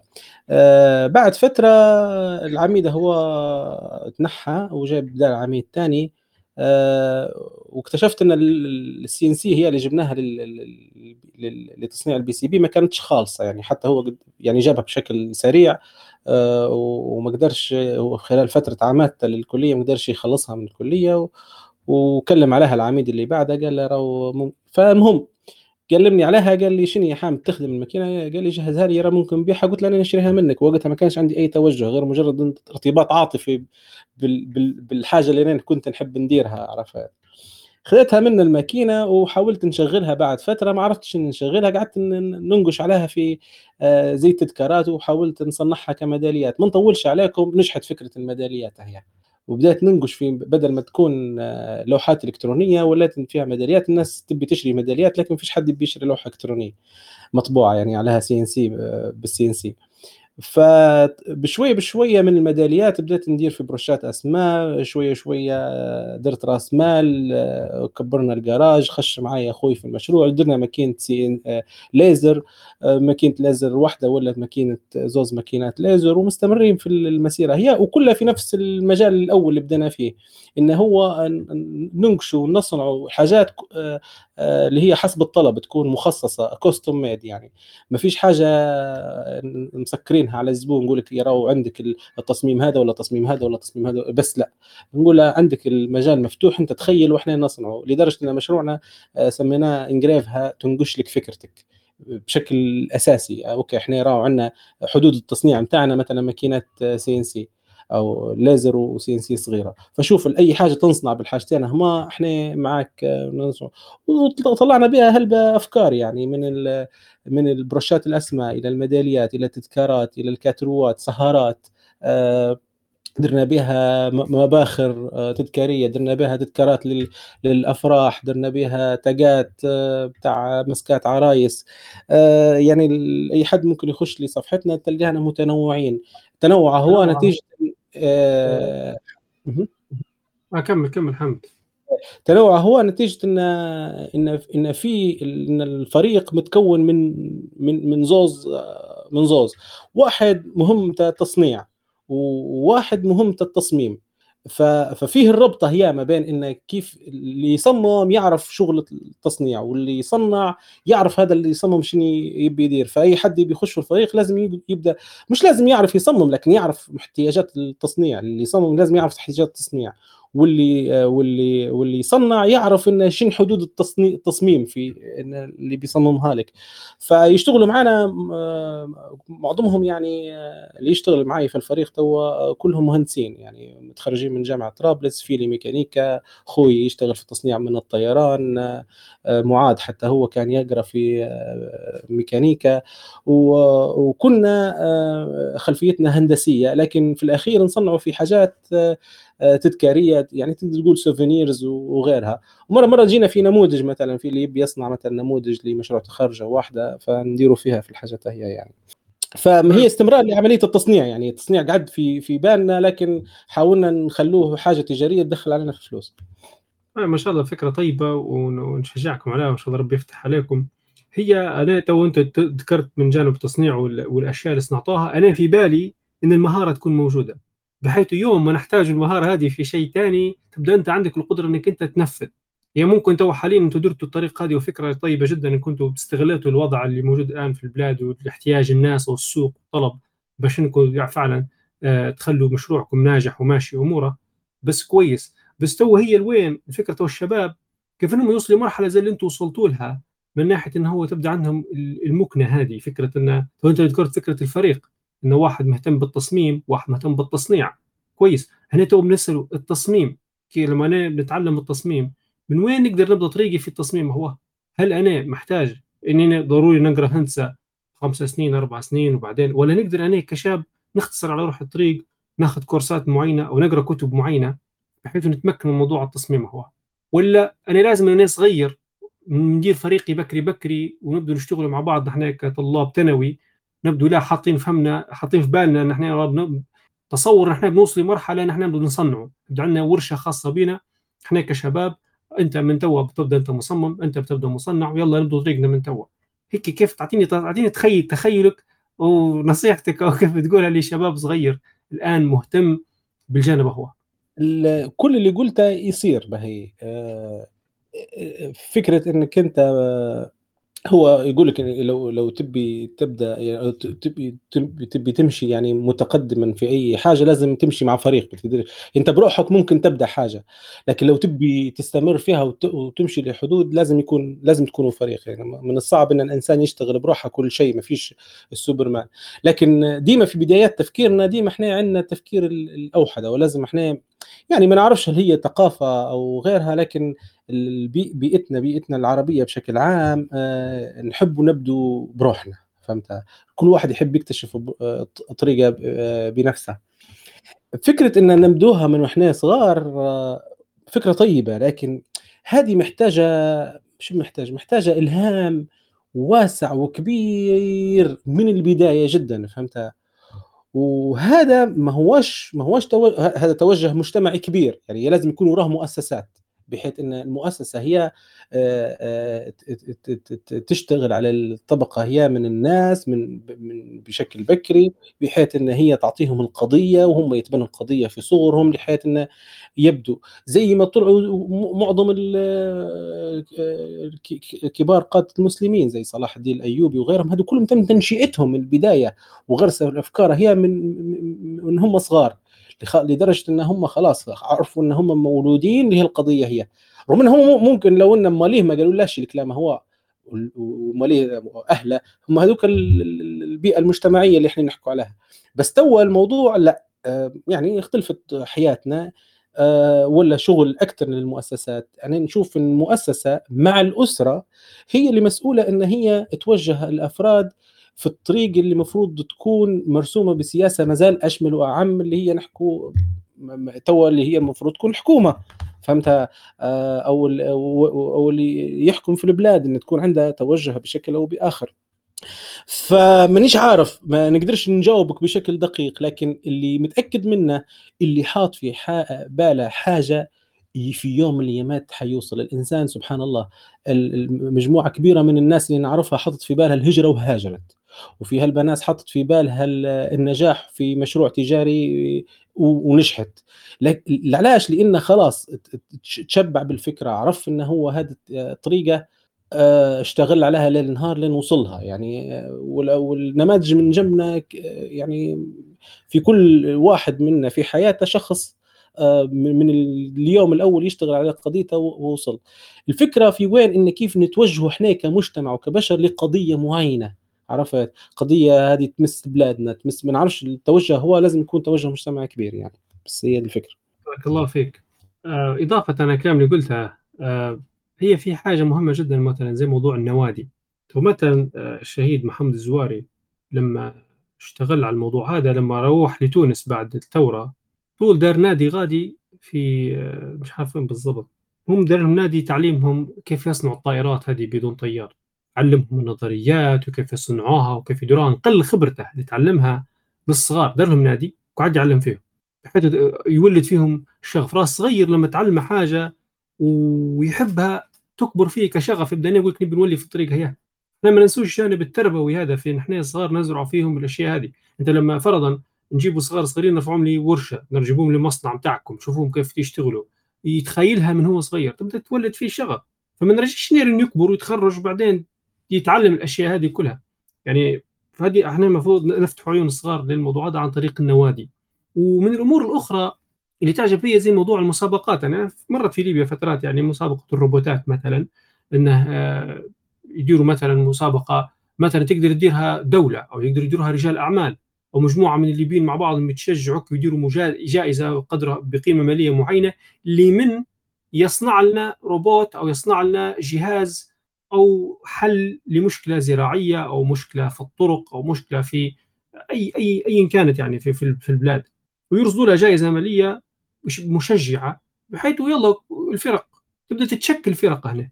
لما يسمعوا في مكافاه يقول لك يلا خلينا نجمعوا شباب هيا خلينا نديروا شغل جماعي. وهنا تظهر إذا كان فيش تشجيع مجتمعي أو تشجيع من الدولة آه، هذا الموضوع صعب. مشكلتنا إحنا لما نقعد ننظر الأمور بمنظور الشخصي يعني لازم ندير كل شيء بروحي. صعب صعب جدا. نرجع لنقطة ثانية ونربط الأمور ببعضها لكن بشكل يعني نستفيد ونأخذ دروس العبر صراحة. الكيان الصهيوني نفسه يعني الظالم الغاشم كيف قدر يبني في ترسانتا مثلا آه، التقنيه مثلا؟ تمام؟ اللي هي رجال الأعمال بتاعهم دخلوا في حاجة اسمه في رأس المال المغامر. دولة تقريبا رجال الاعمال ولا كل شيء ضخوا فلوس على الشباب باش يشجعوهم إنهم يبدوا في مشاريع زي ما نقولها ستارت أبس أو مشاريع مبدئية أو ريادية في مجال التقنيه يشاركوا أنا عندك فكرة تعال عندك فكرة عرضها علينا. مش تمام خذ فلوس. أنت في منها في فكرة تنجح في فكرة ما تنجحش مش مش مهم مغامر. يعني هم من الأول مغامرين بالفلوس يا صابت يا يا خابت. فطلعت منها مشاريع مشاريع نجحت. هذه أيضا من الأمور إحنا نقدر نفكر المفروض نفكروا فيها كناس يعني رجال أعمال مع بعضهم يفكروا بطريقة إن هم يدعموا الشباب في المشاريع هي. إن لازم التقنية تتوطن عندنا تبدأ عندنا تقنية خاصة بنا عندنا شباب مهتمين بالموضوع هو. ف عندنا احتراف مهني زي ما حكينا. هذه واحدة من الأفكار اللي جاي جالت في البال. انها المفروض تكون. وأيضا زي ما نرجع بس للتأكيد الأمور هذه اللي نحكي فيها ما هيش موضوع ترف ما هوش موضوع ترف لأن لما نجي نتكلموا على موضوع إعداد قوة وحماية والبلاد وكل شيء ما نكتفوش بس بالأمور التقليدية وال social media وال social كذا. لازم يبدا في عندنا شغل على الأرض. فهذا اللي حبيت نقوله. آه، إحنا تو ممكن آه، وصلنا ساعة. بفتحوا باب المشاركات أي حد عنده سؤال استفسار مشاركة تعليق آه، أفتحوا بس اطلبوا الحديث حنعطيكم البراح في المشاركات إلى حين ذلك خلينا في الحديث مع حامد. نرجع لموضوع مثلا بداية التعلم مثلا. يعني هل في كورسات مرت عليك ولا مع الفريق تنصح بها؟ سواء موجوده على النت ولا؟ آه، تون بالنسبة للكورسات تون نحكي لك بس نبي نعرج على أهمية المسابقات بهي. آه، لأن المسابقة ميزة المسابقة إن هي تعطيك هدف آه، مؤقت فهمت؟ فلما مثلا تو مثلا شغل جمعية LyBotics في ليبيا كيف نشرت ثقافة اللي هو آه، مسابقات الروبوتات. هذه كانت أحد الحاجات اللي أنا كنت نشتغل عليها يعني في فترة فترة طويلة من عمري يعني ثلاث أربع سنوات مع منظمة اسمها Hexa Connection. أنا شت... أنا من جانب هو أنا حبيت إن تكون عندنا مسابقات آه، آه، اللي هي في مجال الروبوتات. مجال الروبوتات التعليمية بالذات وبدأت بدأت أنا نشوف في آثاره تو رغم إن حدث تجربتهم عندهم ثلاث سنوات يديروا في في ينظموا في مسابقات في ليبيا. آه شنو يدير؟ يطلع لك جيل مهتم جدا بمواضيع التقنية. آه، ومش أي تقنية in deep يعني فهمت؟ يعني هو وصل لنا خدا ال hardware وركب وحط ودار وجرب وفشل ونجح وخش بها مسابقة وكون تيم وغيرها. هذا بعد فترة بعد فترة من الاستمرار وهذه أحسن حاجة إن هم مستمرين عليها بغض النظر يعني ما بيش نقول إن هي تجربة مثالية بس التجربة في عمومها متجهة لاتجاه صحيح. علاش؟ لأن بعد فترة حيطلع لنا جيل قادر إنه هو يشتغل في هو قدر قدر إنه يشتغل في فريق فريق متنوع كل واحد كان عنده آه، شغله آه، اللي هو في الفريق هو. آه، عنده روح المنافسة مر مجموعة كبيرة مرت بتجارب إنه هو خش للمسابقة وفشل. بالتالي موضوع الفشل هذا ما عادش يولي مؤثر فيه لأن يعني بعد فترة مثلا لما تفشل مثلا في محاولاتك الأولى وإنت كبير في السن موضوع الفشل يأثر فيك. هلبة يدي لك إحباط وفي الناس تخش في اكتئاب وغيرها؟ لكن لما تكون أنت صغير متعود على إنك تطيح وتنوض تطيح وتنوض تطيح وتنوض هذا حيعطينا الناس عظمها مازال خشين وتقدر تعافر في المستقبل وغيرها.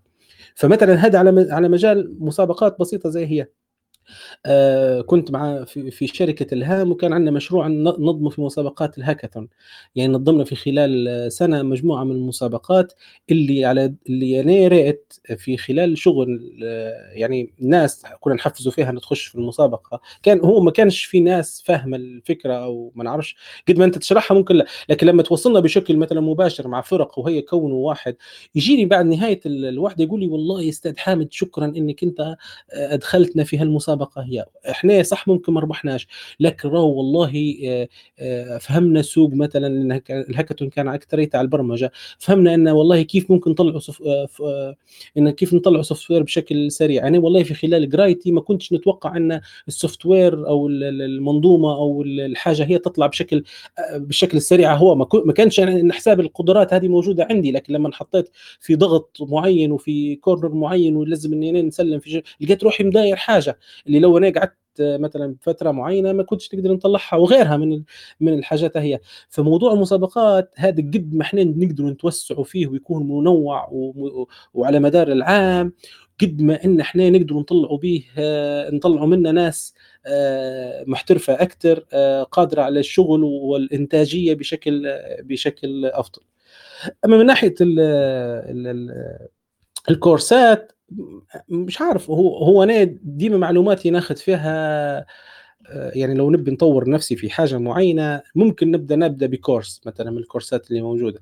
لكن الكورسات عادة ما تكون سطحية. يعني مثلا خدت كورسات في كورسيرا مثلا على سبيل المثال وخدت كورسات في إيدكس. آه، وكل الجانب النظري الجانب اللي هو هذا شو اسمه ينفع إنك أنت تعطيك بيز للحاجة اللي تبي تطور فيها فهمتها؟ يعني ندوى الحاجة ما بعد الوحدة يعني عندك أنت عليها فكرة لكن أنت تبي تطور مازال أحسن من هيك.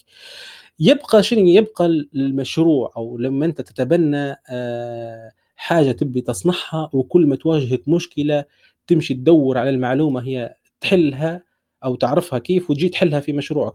هذه أحسن حاجة أنا تعلمت بها. يعني لما انت مثلا لما أنا نبي نبي نصنع أنا مثلا عندي software معين نصمم به. أنا ما افهمش في التصميم لكن فهمت أساسياته بكورس معين. بعدين آه نبي نبي نخلي هو تضل مثلا بطريقة معينة. نبحث على اليوتيوب نلقى حل المشكلة هي جي نطبقها خلاص المرة هذه فهمتها. بعد فترة تتعود علي المشكلة من جديد. آه والله حليتها لكن تقريبا درت هيك وكي ننسى. نرجع لنفس الفيديو. آه لا خلاص. خلاص ثلاثة أربع مرات تلقى روحك أنت آه، استوعبت استوعبت المهارة اللي هي الحاجة انت تبي تتعلمها. فديما اخلق لنفسك المشروع لشيء للمهارة اللي انت تبي تتعلمها تلقى روحك كملت المشروع وتعلمت بها المهارة.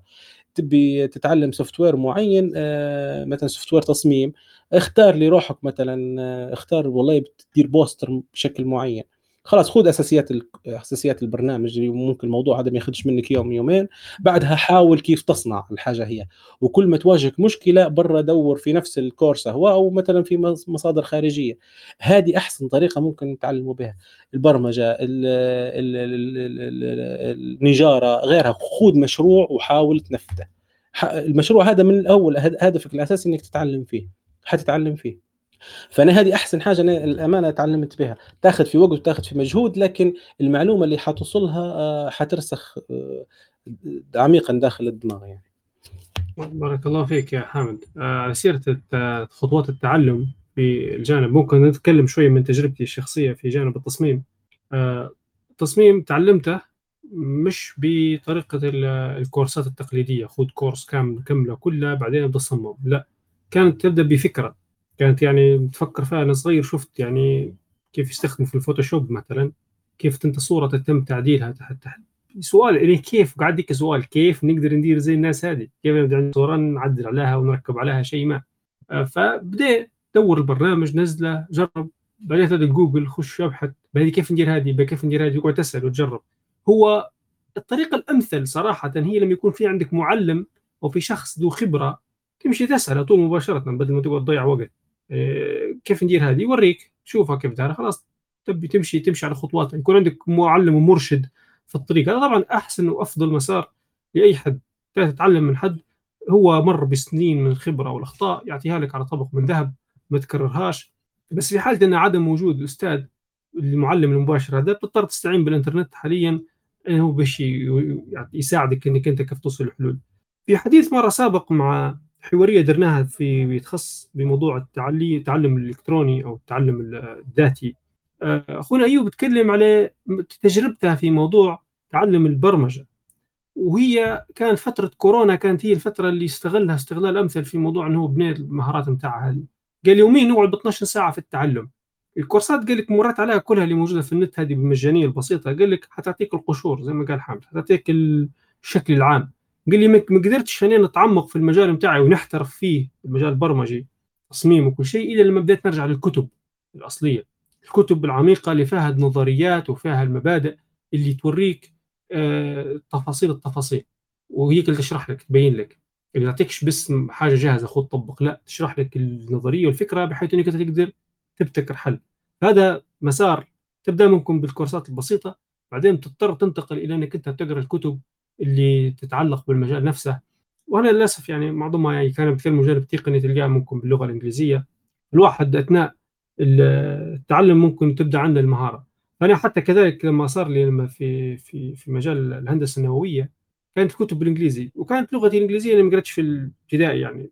مدرسة خاصة بحيث نتعلم مثلا الأول. يعني الانجليزيه زي انجليزيه اي واحد قاري مدرسة عامة. فكانت الترجمة ناخذ الكتاب ومش عارف يعني مرات نقعد بالصفحة فترة طويلة. عشان نفهم شو معناها. ناخذه شوية ونترجم شوية ونترجم بالكلمة. مع الوقت مع الوقت بدت نقدر نفك رموز الكتاب وبدت نفهم وكل شيء.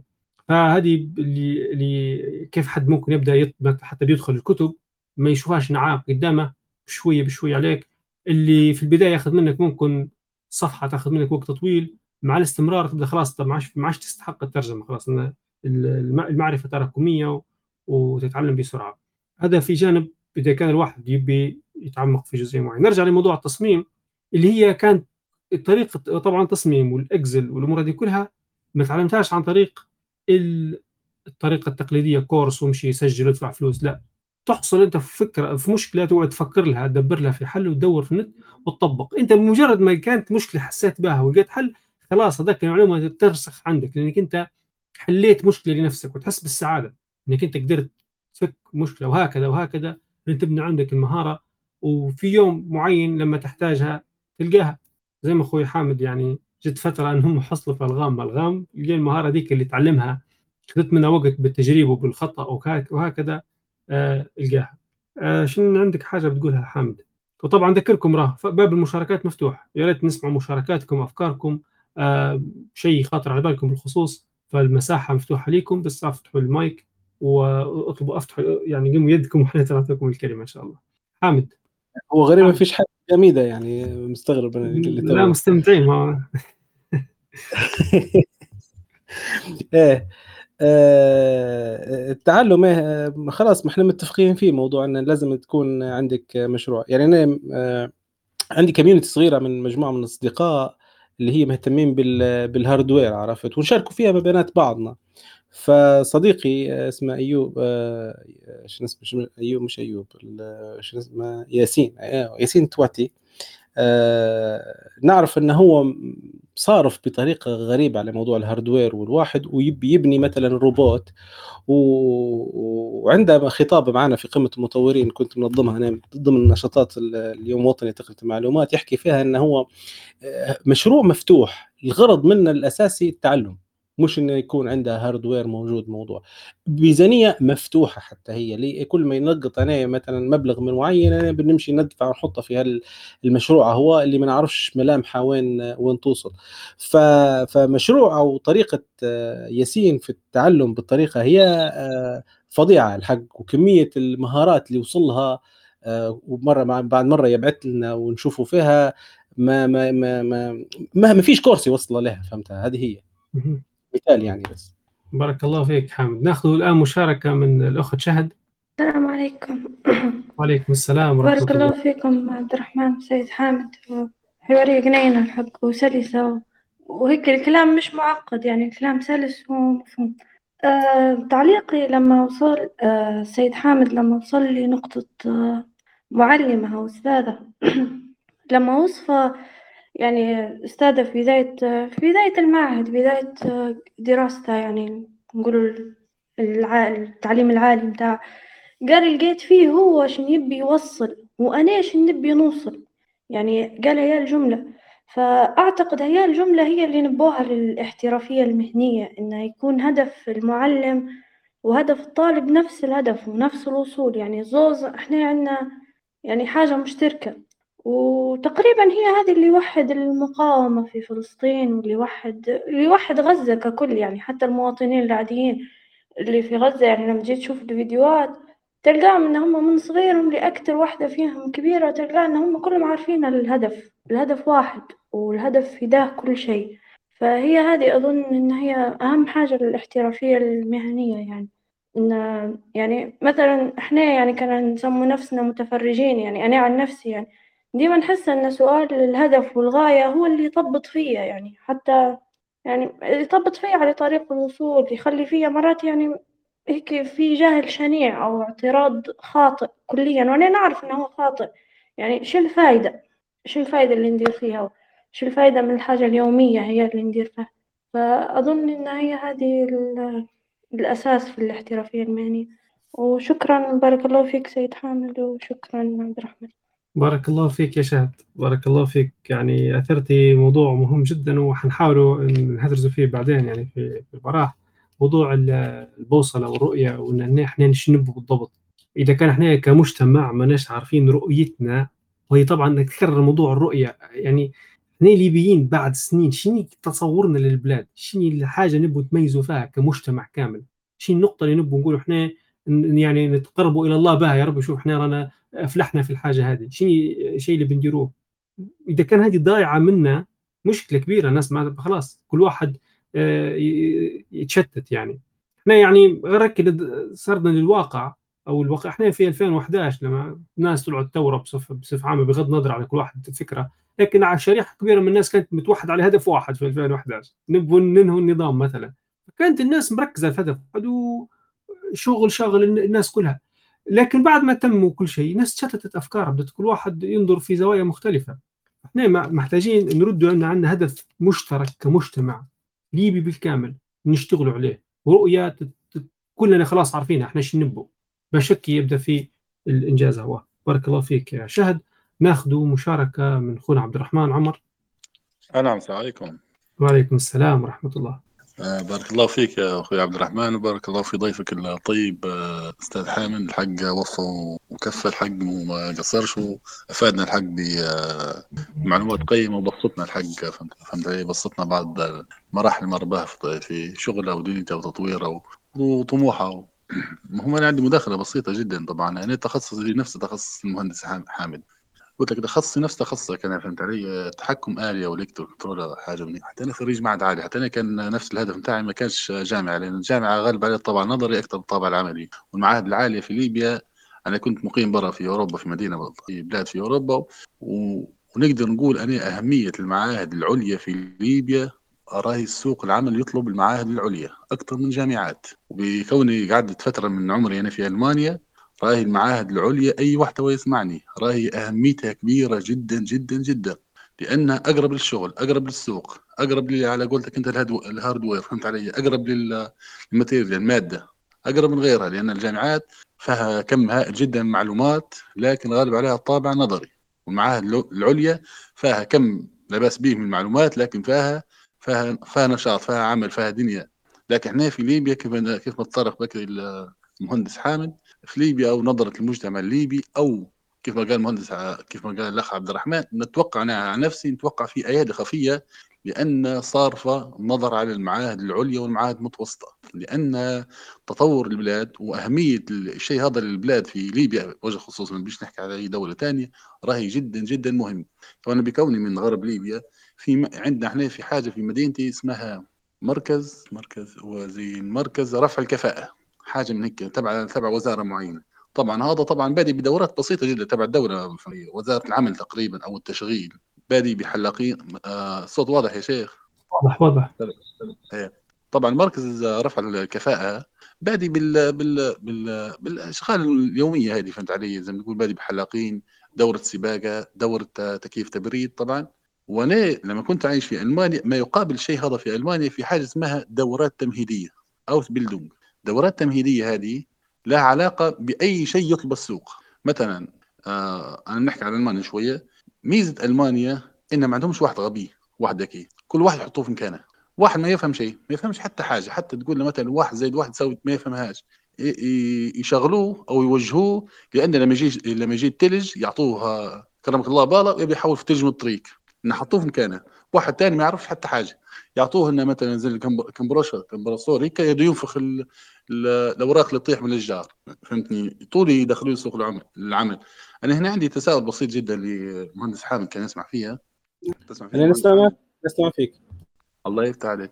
في 2013 إحنا درنا محاولة بسيطة حق نقدر نقول فشلت فهمت علي؟ استفدنا منها لكن فشلت. مجموعة مهندسين حديثي عهد بتخرج في 2013 14 كان عندنا مشروع كنا نبي ندير طيارة بلا طيار. الفترة ديك كانت موضوع الهجرة و... والناس تغرق في البحر وموضوع كانت مأساوية جدا فهمت علي بدات المنطقة الغربيه حاولنا نديروا مشروع طيار بلا طيار و... وطبعا ما لقيناش أول شيء ما لقيناش معلم. هذه طبعا هذه النقطة الضعف الأولى أو النقطة الأولى للفشل. ما لقيناش المعلم يشد من يدينا ويوجهنا. ولو لقاء بعد شهر. ثاني شيء ما لقيناش مرجع. باللغة العربية قوي جدا. اللغة الإنجليزية فهمت علي؟ ثالث شيء لقينا شح كبير جدا في المواد. لقينا شح كبير جدا في المواد. مانيش عارف هل تو الأمور بدت أفضل. في سفره من سفراتي تلاقيت مع شخص إسباني يعني. لما وريته يعني بعض اجتهاداتنا أنا والشباب اللي معاي ضحك علي الإسباني. عارف علاش ضحك علي مهندس حامد؟ قال لي إحنا من... قال لي أنا تو صانع طيار بالطيار. اللي تحكي فيه ما نعرفهاش بكل وكان يدرس في جامعة TU technical university في برلين. قال لي أنا ما نعرفهاش الحكي تحكي فيه بكل قال لي كل شيء عندي فيه طلبية جاهزة أنا يجي لي من الصين. الحكي اللي تحكي فيه أنت هذا كله ما نعرفهاش قال لي. أنا نجمع بس قال لي. إحنا كنا كنا ماشيين ونصنع ونب... وقسمنا أرواحنا في برمجيات في دي قال لي الحكي هذا كله ما نعرفهاش قال لي. أنا نجمع من الصين وناخذ نموذج جاهز من موقع من الصين نجي هنا نجمع نطلع ندير طيارة. قال هذه أسهل طريقة. إحنا الفشل باش نستفيد من باش يستفيد حتى غيرنا من تجربة اللي أنا طولت عليكم شوية في المداخلة إن ما لقيناش معلم يوجهنا. ديروا هكا ديروا هكا ديروا هكا. مثلا فهمت علي؟ تعالى لا زي زي المشروع التخرج. ما لقيناش. لقينا روحنا آه، نقطوا خط عشوائي نجوا هنا شوية نمشوا غادي شوية بعدين صار فتور تحت ظروف معينة صارت حرب و و و. أنا هنا كان عندك نصيحة لي أنا بوجه الخصوص وللشباب اللي زي هنا يا مهندس حامد. فهمت علي؟ كيف واحد مثلا تمام. كونه بيدير مثلا نعم.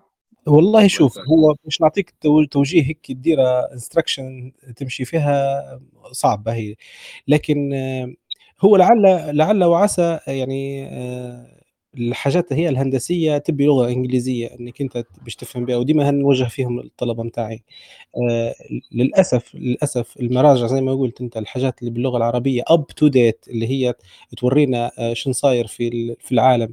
بشكل سريع مش موجودة. ممكن تلقى مثلا مواضيع تتطرق للتقنية بس آه قديمة أجدد حاجة ممكن تلقاها 15 سنة. هذه أقرب أقرب حاجة اللي أنت تبي تشتغلها فهي تقنية بتاع 15 سنة التالية. الحاجة الثانية آه، بالنسبة للمعلم آه، لعل أنتم ما بحثتوش بطريقة آه، كويسة. ما نعرفش لأن لو تجيني أنا يقول لي نبي طايرة بدون طيار اليوم نقدر نبعتك لأكثر من شخص مش حي مش كلهم حيقولوا لك كيف تديرها بس كل واحد في اتجاه في اتجاه معين عرفت؟ بعدين قضية التصنيع من الصين هذه ما عادش بالنسبة لنا إحنا يا جماعة الهاردوير والنماذج الأولية لا بد منها. خلاص. آه، التصنيع من الصين سهل جدا. التخاطب مع الشركات الصينية آه، مرن جدا. الحد الأدنى للطلبية متدني جدا. فتستطيع إنك أنت تبني نماذجك الأولية غادي وتصنعها وتوصلك لليبيا. في 2013 كانت وعرة للأمانة لكن تو اليوم أسهل بهلبة. نتيجة في 2013 كانت عندنا موضوع هذا النفط ومصرف ليبي مركزي ولا بدي في في يسكر على العملات هذه المعاملة الصعبة. فلا وفي نفس الوقت ليبيا لليوم من من السبعينات لليوم أو من الثمانينات لليوم آه، رازعة تحت عقوبات اللي هو الشركات الأمريكية. ممنوع على اي شركة أمريكية آه، إنها تشتغل في ليبيا إلا لو تأخذ آه، استثناء من الحكومة الليبية وبعض الشركات النفط واخذه الاستثناء. هذا في شركات كبيرة جدا ما تقدرش تشتغل مع مباشرة مباشرة بشكل مباشر مع ليبيا بيع وشراء لأن ليبيا تحت قاعدة في بند العقوبات اللي هي ندوي عليها حاجة قديمة حاجة قديمة وقاعدة مستمرة آه، لليوم. فمثلا موقع Texas Instruments هذا الموقع المعروف اللي اللي يبيع فيه chipات معينة تخش ل IP ليبي تلقى access denied ما يخليكش تخش تتفرج لازم تخش عن طريق شنو اسمه هو ال VPN ف ف فال... فال... فممكن وقتكم أنا أنا أنا نتفق معك إن في الوقت اللي أنتم بديتوا فيه كانت الأمور آه، متجهة للتسكير أكثر رغم أن البلاد كانت آه، يعني وقتها 2013 من أكثر السنوات اللي كانت منفتحة وفيها سيولة مادية وكانت فيها مستوى كويس من المعيشة. بس من هذاك الوقت لل 2018 كانت البلاد ماشية انها آه، شح في العموله شح في السيولة شح في العملة الصعبة وغيرها من الحاجات هي. لكن لو بتبدوا مشروعكم اليوم الأمور أسهل بهلبة من من هذاك الوقت. لعل وعسى تو نتواصل معك فهمت علي؟ بطريقة أو بأخرى لعل وعسى مرات حتى تفيدنا فهمت علي؟ ببعض بعض المهندسين بعض الحاجات فهمت علي؟ لأنها لعل وعسى هو ال group موجود فهمت علي؟ لكن لعل وعسى لأنها هذه تشجعك لشيء ثاني فهمت علي؟ تو انت ذكرت بكري مثلا حكيت طرقت على موضوع الغام وفهمت علي؟ وإحنا مثلا إحنا بيكون إحنا في ليبيا وإحنا نوسعش الأرواح البشرية فهمت علي؟ لأن كل هذه التكنولوجيا مسخرة لخدمة الإنسان وتبسيط الإنسان فهمت علي؟ وفي هلبة هلبة هلبة أشياء قدام. إحنا لعل وعسى مرات نتواصل معك عن طريق عبد الرحمن ولا طريقه أخرى ومرات تفيدني حتى في ببعض المراجع تفيدني بعض الحاجات وكان ما فيش بأس طبعا. بارك الله فيك. أكيد لي الشرف والله ما من ما ندخروا عليك إن شاء الله. لا ما ندخروش عليك إن شاء الله. اللي نعرفوه جزاك الله خير. وبارك الله فيكم على الحواريه الطيبه بارك الله فيك عبد الرحمن. إن شاء الله. الله يحفظك إن شاء الله. الله يبارك فيك أخوي عبد الرحمن وشكرا لك حامد. آه عندي بس تعليقات بالخصوص. أنا لفت انتباهي موضوع اللغة الإنجليزية فلازم نعطيه شوية كي تعليق بالخصوص. آه لعل بعض الأباء والأمهات يعني ممكن يعني عارفين المعلومة إن مراجع موجودة بالانجليزي يعني باش إنه ولده يتطور ولا بنته ولا كذا فضروري يدرس إنجليزي فيرتكب خطأ شنيع اللي هو يبدأ في تعليم اللغة الإنجليزية من الصف الأول ويبدأ يدخله في مدارس تعلم باللغة الإنجليزية وهذا خطأ كارثي.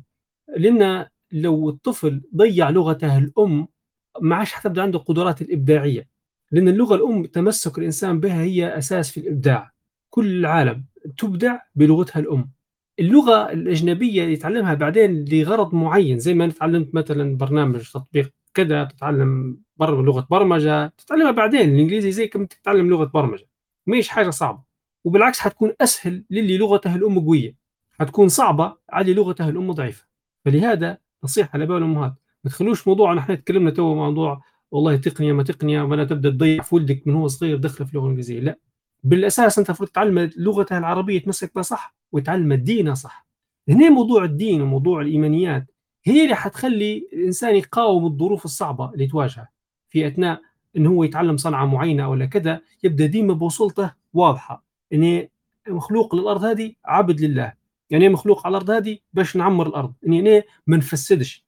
قاعد نقول فيها في أكثر من مره وقت انهم كانوا لو كانوا المخترعين اللي اخترعوا الآلات اللي موجودة الآن في الأرض كلها كانوا اخترعوها مسلمين كانت حتكون صديقة للبيئة وما كانش مفسدة للأرض. ليش؟ لأن المسلم لما بيصنع شيء بيصنعه بيراعي فيه إن هذا إنه هو يعني مبدأ لا ضرر ولا ضرار. يعني نصنع الآلة أو نصنع الماكينة أو أو ندير أي حرفة بنصنعها ما نسببش بها ضرر لنفسي ولا للبيئة ولا للناس حواليا. فأنت الطفل وهو صغير والشاب لما يكبر المعاني هذه الإيمانية صح قدامه حيعرف التقنية تتوظف بالطريقة السليمة. التقنية سلاح ذو حدين. والمهارة والمهنة والاحتراف المهني هو تقدر تسخره في الخير وتقدر تسخره في الشر. يعني ممكن كم شخص يعني مرات يكون ايمانيات إيمانياته ضعيفة يبرع في تقنية ما تنوض دولة أجنبية تشريه تشريه بالمال وتغريه ويقعد عندهم غادي. يقعد يقول لك نفتخروا بها أقول خبير ليبي ولا خبير اندر وين؟ هو عاي هو في مكان ثاني هو ما عندهش ما قدمش أي إضافة لا للأمة لا لبلاده. إلا طبعا ما رحم وفي اللي قاعد غادي لكن هو فعلا همه البلاد والأمة وكل شيء فيساهم في شيء يمس البشرية. بس فيه استثناءات لدرجه إنها تبيع ضميرها. يعني يبدأ مثلا يصنع في أسلحة لدول ثانية وغيرها. هذا هذا اللي قصدته أنا بان إحنا شيء الفائده إنك أنت تطلع ابنك وولدك والله قوي في اللغة الإنجليزية وإنه هو عبقري وكذا في قرايته كل شيء لكن هو مضيع البوصلة متاعه. هذا حيكون ضدك مش حيكون معك. هذه إشارة بنعلق عليها. نقطة ثانية لفتت انتباهي تو من حديث عبد الرحمن وحامد اللي في شيء موجود في الدول الغربية برا ويتكلموا عليه ديما في موضوع التطوير المهني. في أي مجال؟ يسموا فيه اللي هي مجموعات إذا يعني خلينا نقولها بالإنجليزي بعدين نترجمها بالعربي زي ما هي مكتوبة. يسموا فيه community of practice أو CoP شنو يقصدوا بها هذه هي مجموعات الممارسين مثلا. فمثلا تبدو زي مشابهة للنقابة نوعا ما. لو كل مثلا نقول المتميزين أو المهتمين بمجال آه مثلا الاحتراف المهني هذا في الجانب التقني مثلا يديروا group خاص بهم نادي خاص بهم يجتمعوا ويتبادلوا الخبرات. فممكن حامد عنده خبرة عند عبد الرحمن ما عندهاش عبد الرحمن ممكن عنده خبرة حامد ما عندهاش. فيتبادلوا الخبرات بين بعضهم والتقنيات والأفكار اللي يديروها فتتولد حاجات جديدة. بدل ما يقعد كل واحد محبوس بروحه ويفكر بروحه أو حتى مع فريقه بس أنت لازم تشوف أفرقة ثانية وناس ثانية فنتمنى أن تبدأ في مبادرة من النوع هذا. يديروا مثلا جروب مع بعضهم يقعدوا يجمعوا المهتمين يديروا صفحة خاصة بهم يقعدوا ينزلوا فيها في أبرز الابتكارات والأشياء اللي يديروها مع بعضهم. كمنصة عامة يعني تشمل الناس هذه. يديروا حتى بودكاست يتكلموا فيه على تجاربهم وخبراتهم بحيث يشاركوها مع الناس. فهذه من ضمن الأفكار اللي ممكن تعين وتساعد إن إحنا نتقدموا في موضوع الاحتراف المهني هذا. فحامد شنو تعليق بالخصوص؟ آه لا أوكي هو اللي قلته أنت تمام. نقطة في قالتها شهد قبل مداخلة السيد عبد عبد الرحمن اللي هي القدوة أو يعني لما أنا ذكرت الدكتور وكيف إنه هو آه فعلا هو هذه نقطة نبي نشرحها تو نقول لكم علاش. الدكتور عبد الله سعيد في وقتها يعني واضح عليه الشغف وكيف يشرح وكيف إنه هو يسترسل في الشرح لما أبعاد المادة اللي كان يشرح فيها. أنا كنت معاه 100% العديد من الزملاء اللي كان يقول لك والله هذا الأستاذ يعقد في المادة هذا الأستاذ يقول حاجات لها علاقة بالمنهج وكان نظرتهم لي سلبية. علاش؟ لأن كل واحد يخدم بهدف. أو خاش يقرأ بهدف. 99% 90% خلينا نقولوا من من اللي كانوا داخلين للمعهد في وقتها أو أو الكلية واللي يقروا معك في التعليم العالي أهدافهم واضحة. يبي شهادة باش آه، يحصل بها شغل. باهي شنو هو التخصص مش مهم أصلا أنا خشيت للمكان هو لأنه قريب علي مش لأنه هو أحسن مكان يقرأ فيه. على عكس يعني أنا في وقت هذاك أنا قعدت نسمع ونشوف الامكانات أنا اخترت المكان هذا لأنه هو أحسن مكان ممكن يقرا في برمجة في وقتها. هذا في حسب تصوري أو على حسب بحثي اللي درته الخاص. تمام؟ لكن اللي معاي كلهم لا هو خش لأنه هو قريب من سكنه هنا هو خش يساير في صاحبه هو خش لأن أبوه قال له برا. إنه خش مثلا قدم في الجامعة قري فيها سنتين وما صارش يبي يحول للمعهد هو. هذا لليوم ماشي معي أنا اليوم آه لما نقعمز مع الطلبة متاعيني في أول محاضرة بعد ما نتفقوا على كل شيء نهدرز عليهم. ترى قولي لي علاش أنت خشيت للكلية هي؟ والله خشيت على خاطر أبوي والله خشيت لأنه مكان قريب. يعني بعد كم يوم بعد كم يعني سيمستر يجي يقول لي والله هذا كان كانت رغبتي عرفت؟ ما نلقاهاش ما عادش نسمعها ما نسمعش فيها. فبالتالي يبدأ في تضارب. أنا نقري فيك باش نكسبك مهارة ونعطيك خبرة. ونعطيك واحد. وإنت تجي تحضر تبي تاخذ شهادة وتشوف فيا مش أنا الشخص اللي بيعطيك الشهادة هي والعلوم هي لا تشوف فيا الشخص المعيق للشهادة هي. أنا الشهادة ناخذها لو أستاذ حامد يصفي لي المادة. هيك يصفي لي يعني أنا أنا اللي بنصفي له المادة. فهمت؟ مش مش هو اللي بيقرأ وبينجح لا أنا اللي بنصفي له المادة. ولما يسقط في المادة يقول خلها لي عرفت؟ ولما يصفى يقول صفيتها. عرفت؟ يعني في حاجة عميقة في في التعليم عندنا التعليم العام العالي خاطي من المشاكل الثانية تو يعني عزلت مشاكل اللي إحنا نواجهوا فيها اعضاء التدريس والإهمال من الدولة. لما نجي حتى للطالب في بوصلة رايحة فبالتالي المخرجات حتكون عشوائية. ما, من الصعب جدا إن هي آه، الأسباب ما نقدرش نعرفها ما نقدرش نقول لك علاش. ما, ما عنديش تبي ناس من علوم الاجتماع هي اللي تبحث في في جذور المشكلة هي اللي صايرة. لكن رو رو رو خبط عشواء اللي صاير في في الكليات. يعني أنا تو نحكي لك على شريحة صغيرة جدا. أنا متأكد إن هذه متوسعة في في كليات. فلو أي شخص يسمع فينا اليوم يا جماعة الخير التعليم العالي وسيلة لوصولك لهدف أسمى اللي هو إنك أنت تكون آه، شخص آه، مفيد في المجتمع متاعك عندك أهداف ثانية إنك أنت مثلا تكون ثروة ما فيش أحسن من التجارة. لا مهنه لا واحد اتجه للتجارة. لو الجميع اتجه لل- للتجارة إحنا انحلت مشاكلنا كلكم ديروا مشاريع آه، تجا- تجا- تجا- تجارة التجزئه أحسن كان ممكن تطلع منها في فلوس. فلكن تبي شهادة وتقعد آه، مجرد الشهادة يبوها ورقة. هذه المشكلة فيها يعني هو يبي ورقة. فهذه هيك تفضفيضة هي لها علاقة بشكل بعيد شوية على المجال التطور المهني لكن آه، التطور المهني اللي إحنا نحكوا عليه محتاج آه، آه، التعلم في يعني هو التعليم العالي بحيث إنه يكون راسخ ويكون آه، ما بعده. فبس كي حاجة ذات شجون حبيت إني نوجه بها للجماعة. لا بارك الله فيك. أنت هذا هذا لب المشكلة. إحنا نتكلم عن التحديات هذه أبرز التحديات أنت حكيتها. عقلية عقلية الناس نظرتها للعلم والتعلم والتعليم الجامعي وقصدي التعليم العالي بصفة عامة يعني لا تعليق والله لا تعليق. لأن بجد هذا كارثة من الكوارث يعني لما نقول لك شباب هيك داخل غرك وخلاص يعني حل خير يعني يقول لك الجامعات والمعاهد أصبحت زي دار الأيتام. فقط تكفل فيهم طلبة خليهم يقعدوا في الشارع تعالوا غروا تسجلوا عندنا واو. حتى قدام بينهم ولي ما هو يقروا أو فهمتها كيف؟ هي لا رغبة لا شغف لا شيء. وبعدين يقول لك يا الجامعات ما تنفعش وكذا. لا هو في خلل حتى من الطلاب نفسه. لازم نكونوا شوية واعرين شوية لأن انت انت دكتور يقول لك تعال كان كيف بتتعلم وانت في الأخير انت شو انت بتطلب ويساعدوك. انت ما قلت دكاترة كانت عرضت عليهم فكرة ما يقولوا لكش لا. عموما ناخذ مشاركة اخونا مثال. السلام عليكم. آه. شكرا جزيلا آه أخ عبد الرحمن وشكرا آه، أستاذ آه، حامد. آه لقاء جميل جدا والحمد لله استفدنا ومعلومات آه، طيبة وزي ما حكونا سلسة وحوار كان آه، قريب اللغة يعني ومفهومة. فجزاكم الله خيرا. آه، تعقيب بس بسيط على آخر نقطة أستاذ حامد اللي ذكرتها ال- ال- النقص في ال- الشغف يعني عند الطلاب. هذه الحاجة ن- نتوقع يعني وبرضه نربطوها بالموضوع اللي حكى فيه عبد الرحمن البوصلة. آه، نتوقع إن نقدر نربطوها بال- بالأهل.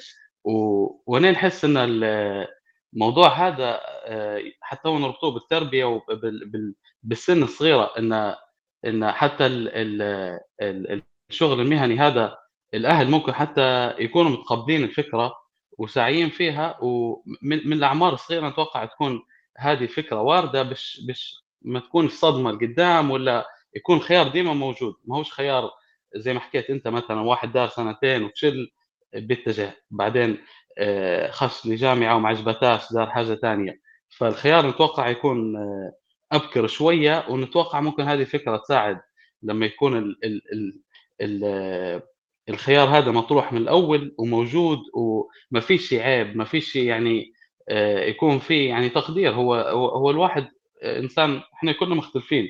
كل واحد و- وقدراته وممكن عنده شغف هو من صغير مثلا آه، فرضا يحب يقود السيارات هو ممكن يحب الميكانيكا بالطريقة هي. فنتوقع إن الأهل لهم دور كبير إن آه، يساعدوا ال- الأبناء على آه، فتح أكثر من مجال ما يكونش فقط أكاديمي بحت من ناحية واحدة انه يفتحوا الكتابات وخلاص دكتور ولا مهندس فقط أو محامي يعني.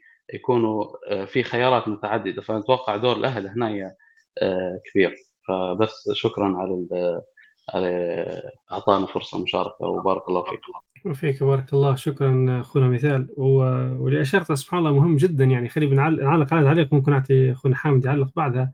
آه، موضوع انه كيف يصير في دعم اجتماعي للمجالات هذه. لأن موضوع أن إحنا آه، النظرة الدونية هذه لازم لازم يتم اقتلاعها من جذور من عقول الناس. ولازم يصير ضغط اجتماعي. وكل واحد فينا يسمع فينا الآن عليه المسؤولية هذه. كيف؟ مني ما يعرفش حد عنده تو طالب في الثانوي شاب يعني بي بي بيكمل إعدادي ولا بيخش ثانوي ولا قاعد في الابتدائي ليش ما نقولهاش من ضمن الاختيارات تاعها شو بتكبر؟ شو بتكون؟ إيه ليش ما تكونش مثل ميكانيكي؟ ليش ما تكونش أنت آه آه مت- يعني الجانب التقني هذا كله؟ يكون عندك أنت متخصص في الجانب هو آه في كلية كذا. من البداية تبدأ في الأمر هذا متاح. توريه فيديوهات. شوف ناس كيف تشتغل. وريه مثلا زي اللي صاير الآن. استغلوا الوضع الآن اللي صاير في في في غزة الآن وال- والبطولات اللي صايرة. شوفوا ليش ما تكونوش أنتم حاجة زي هذه. من تو تنزرع فيه. وبعدين مع الوقت تبدأ المفروض كمجتمع نبدا نش- لما حد يقدر يدرس مجال زي هذا نبدا نكبروا به نعطوه قيمته في المجتمع. إن هذه كلها من الأمور اللي تعين الشاب إنه فعلا يستمر في المجال هو. محمد لو عندك تعليق. وبعدها حناخذ مشاركة أخونا أحمد الكبير. لا خذ المشاركة على طول نعطوا المجال إحنا دوينا هلبة. تمام خلاص. آه أحمد كلمة معك. آه السلام عليكم وبارك الله فيك يا أستاذ حامد. أنا طبعا عندي تعقيب أو تعليق بخصوص التعليم العالي أو الطلبة لما يخشوا للتعليم العالي آه زي ما قال الاستاذ أحمد هم الغالبية عادة تمشي باش تاخذ الشهادة وعلى حسب رؤية المجتمع أو المنظور اللي واخذينه من الشهادة. طبعا بما إني أنا نخدم وعادة خاش المجال ال hardware بتعليم ذاتي فعادة كنت نحكي اسمه نحتك بال community اللي خارج ليبيا. أكثر شيء لاحظته أن لما يخشوا الطلبة للتعليم العالي إنهم عندهم زي ما تقول تصور أن المجال التعليم العالي بالذات مجال الهندسة إنهم حيخدموا في المجال هذا. أو زي ما تقول إنهم عندهم قدوات يعني عندهم زي ما تقول تجارب قديمة. طبعا على سبيل المثال أمريكا بما إنها قديمة في المجال هذا وطبعا عندها معاهد زي ام اي تي وكالتشف وغيرها فعندهم طبعا ابتكارات وكذا فعندهم تصور إن المجال الهندسة ما هوش مقتصر على المجال أو مش مقتصر على الشهادة. فيعني حتى الطالب لما بيخش بيخش بناء على رغبته ولا على شنو يميل. فعلى عكس هنا ليبيا هنا أغلبيتنا مين؟ لو إنها ديما تخدم في القطاع العام. ولو خدمنا في قطاع النفط عادة ديما يتعامل مع شركات طرف ثالث يعني من نادر إن تلقى زي ما تقول مهندسين عندهم بصمة في المجتمع. فهنا زي ما تقول لازم يكون في تغيير أو تغيير رؤية حول مجال التعليم العالي. يعني بالذات مجال الهندسي طب مثلا مجال أدبي عادة ممكن تلقى مثلا ناس عندها بصمة لأن ما يحتاجش موارد وغيرها. عكس المجال الهندسي لأنه يبي زي ما تقول بصمة واضحة لها تأثير و... فيغير من منظور المجتمع. فهذه تعقيب علاش إن مثلا إحنا ديما نميلوا إن ناخذ الشهادة أكثر من الواحد يطلع بمحصلة أو فائده وهذه نقطة طبعا. الله يبارك فيك يا أحمد. يعني قديش مؤلم الأمر لما جيت تقول إنه يعني تلقى في قطاعات زي قطاع النفط بالذات في ليبيا تلقى اعتمادهم على المهندسين مش المهندسين الليبيين حاجة عندنا يعني سبحان الله. موارد مهدرة والله. فنسال الله السلامه الموضوع موضوع الشهاده الموضوع مقلقني أنا صراحة. يعني يوجعني الأمر نشوف طلبة صغيرين يعني في الابتدائي أمهم وأبوهم حارسين لا الشهادة الشهادة. تبي ولك نتعلم؟ هيك ليش نشوفها إن كنا بدا إله يعبد يعني الشهادة دي. يقول لك لا لا آه يا عبد الرحمن ما زال لما أنت تلاقي معاه يقول لك باش لما نجي نخطب. يعني يعني هيك فقش الموضوع. أنا باش لما نجي نخطب يقولوا عنده شهادة. هيك راهو والله العظيم إلا بالمن يعني frankly speaking تعالوا يا جماعة الخير هي نهدرزوا فما نبي يعني اولا نقصر في الحاجز بناتنا الطلبة وكذا واحد وفي نفس الوقت نبي نفهم حتى الناس هي اللي جاية شنو ما ما فيش يعني الناس الشخص اللي يجي يقول لك كانت هذه رغبتي أنا قريب تلقاني. كان ولد والله ممكن الضبطة فما من كثر أنا فرحان به. فهمت؟ وفعلا لما أنت تتبع بعدين مسيرته تشبه إنه هو متميز وواحد لأن حيتحمل ضغطك أنت خلال السمستر وحيتحمل الواحد وحيبدع وحيطلع لك بأفكار وغيرها. أما البقية يشوفك أنت عائق أنا راني نقدر ناخذ الشهادة لولا هو الأستاذ هو اللي مش عارف شنو يدوي هو شنو مش عارف شنو يقول تو هو عرفت؟ هيك يشوفوا فيك. فهمت؟ عموما أحمد الكبير اللي, اللي كان يدوي توا أحد الناس اللي أنا مقرب ليها ومقربين لبعضنا وفي نفس المجال راهو. حتى هو يحكي على جانب ال embedded system ومن الناس اللي هي الحق تشتغل على بيشتغل على روحها كويس يعني. وأنا ديما كنت نتمنى إني تعمقت في المجال بنفس التعمق اللي هو وصل له يعني. فنحييه من هنايا واستمر يا قايد في المجال بتاعك. اي ما شاء الله ريت يا احمد جماعة بك والله كلام طيب منه هي شهاده نعتبرها منه هو بالذات يعني. حتى هو بحكم إن الماجستير بتاعه لو نفكر في ال mechatronic يعني فهو ضابط. ما شاء الله ما شاء الله. تلقطوا علينا كلكم أنتم اليوم. المشاركات كلها لها علاقة بالموضوع فإن شاء الله ربي يحفظكم جميعا. إحنا أعتقد أخونا حامد وصلنا لنهاية الحوارية أعتقد. فلو عندك حاجة أخيرة تقولها وبعدين نختم امكم بدعاء ل حندعي هنا إن شاء الله. فتفضل حامد. آه، تمام. فنحاول أن نلخص الموضوع آه للجميع. إحنا في في في مجال حاليا آه في بلاد اسمها ليبيا راهم محتاجين آه كل كل المهارات المطلوبة. في كل المجالات المطلوبة. آه، لعل لعل من من يعني نعم الله علينا أو من نقمه ما نعرفش إن إحنا عندنا نفط. لكن هل النفط هو آه، اليوم موجود ومش مخلينا إحنا نتجهوا لهالبحاجات لأن عندنا عملة صعبة نقدر نستوردوا بها كل احتياجاتنا؟ لكن ما تعرفش المستقبل شنو متوجه لنا. آه عندنا مشاكل سياسية مش مخلي عندنا استقرار سياسي لذلك يجب إن على المجتمع أن يوعى لنفسه وانه يكون يكون مؤسساته المجتمعية الخاصة اللي هي تساهم في إن هي آه، نستمروا للقدام ونرسم استراتيجيتنا للقدام ما نستنوش أي شيء مركزي له علاقة بالنخبه آه، الحاكمة لليوم. لذلك آه، آه، أحد الاستراتيجيات أو الحاجات اللي المفروض نتوجه لها هي التوجه بشكل موسع إن تكون عندنا رؤية للمهن اللي المفروض إحنا نديروها كليبيين والمهن اللي مش عيب إن في مهنة إحنا من يعني من يعني بحكم إن حتى عددنا مش هلبة فبالتالي صعب جدا إن إحنا نكون عندنا كل المهن آه، اللي نقدر نشتغلوا فيها. فحتى المهن اللي هي يشتغلوها غير الليبيين يجب إن يتم تقنينها زينا زي أي دول آه، تحترم مواطنيها يعني فهمت؟ والأمثلة جنبنا كثيرة ممكن نستنسخوا أي حاجة موجودة آه، من دول الجوار. فالتوجهات الاستراتيجية اللي نشوف فيها هنا يجب أن إحنا نتجه فيها اللي هي التقنيه الزراعة والصناعة. هذه ثلاثة حاجات آه، هي ملامح المستقبل القدام لذلك يجب أن إحنا تكون عندنا فيها فهم عميق وعندنا فيها خبرات آه، كويسة وعندنا فيها آه، ما نضيفه لها المجتمع.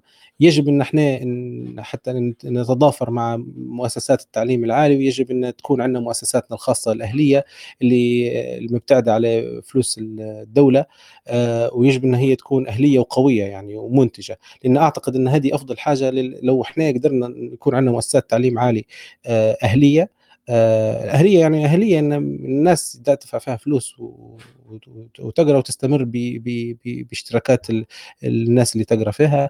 أعتقد إن هي حتكون آه، إضافة كويسة وحتضمن استمراريتها على بعكس ما يعني مش مش ومش يعني معتمدة على فلوس الحكومات اللي هي اليوم ترضى عليك تعطيك ويوم ما ترضاش عليك تقتلك زي ما صاير توا في التعليم العالي. ف ف وإن شاء الله ماشيين فيها الطريق حسب ما نشوف إن كل يوم تطلع لي مؤسسة أهلية تعليم عالي وإن شاء الله يا ربي يستمروا للأمام ويكونوا ناجحين. ف... فهذا الخلاصة اللي حبيت نديرها وإن شاء الله ربي يوفق الجميع وشكرا على الاستضافة يا عبد الرحمن. الله يبارك فيك أخوي حامد جزاك الله عنا كل خير. وإن شاء الله يعني الكلام اليوم كان فيه الفائدة والإفادة وإن شاء الله يعني يصير كل ما فيه الخير للبلاد والعباد يا رب العالمين. آه، فنختم إن شاء الله بدعاء لأهلنا في غزة. آه، اني داعم فامنوا اللهم اجعل نارهم بردا على أهل غزة ونجهم من براثن الصهاينه يا رب العالمين. اللهم يا رب قويهم وثبت أقدامهم وانصرهم على الحق يا رب العالمين. اللهم ثبت قلوب أهل غزة أمام العدوان الصهيوني بالليل والنهار. اللهم مكنا في الأرض كما مكنت الذين من قبلنا. واعف عنا وثبت قلوبنا على حبك يا أرحم الراحمين. اللهم هذا حالنا لا يخفى عليك وضعفنا ظاهر بين يديك. فانصرنا بنصرك. واغفر لنا ذنوبنا واستر عيوبنا يا رحمن يا رحيم. اللهم لا تؤاخذنا بما فعل السفهاء منا. اللهم لا تؤاخذنا إن نسينا واخطأنا. اللهم كن لنا يا رب العالمين ولا تكن علينا. اللهم نسألك بأسمائك الحسنى وصفاتك العلى أن تنصرنا. يا رب العالمين وأن تنقلنا من دائرة سخطك إلى دائرة رضاك. اللهم يا سامع السر والنجوى يا كاشف الضر والبلوى. اللهم يا سامع السر والخفية يا من حوائجنا عنده مقضية. اللهم يا قاهر الأعداء يا هازم الأحزاب يا منزل الشتاء ويا مخرج الأموات. اللهم اللهم ثبتهم اللهم ثبتهم وانصرهم يا رب العالمين. اللهم ثبتهم وانصرهم يا رب العالمين. اللهم انصرها لغزة اللهم انصرها لغزة واحفظ أرض فلسطين يا رب العالمين. اللهم اجعلنا ممن يشهد تحرير المسجد الأقصى يا رب العالمين وكافة فلسطين يا رب العالمين في هذه الدنيا يا ذا الجلال والإكرام. اللهم يا رب اللهم يا رب فرج على أهل غزة يا رب العالمين. اللهم أنت تراهم وتسمعهم. واحفظهم بحفظك يا ذا الجلال والإكرام. لا إله إلا أنت سبحانك إنا كنا من الظالمين. سبحانك اللهم ربنا وبحمدك نشهد أن لا إله إلا أنت نستغفرك ونتوب إليك. والعصر إن الإنسان لفي خسر. إلى الذين آمنوا وعملوا الصالحات وتواصوا بالحق وتواصوا بالصبر. السلام عليكم ورحمة الله وبركاته.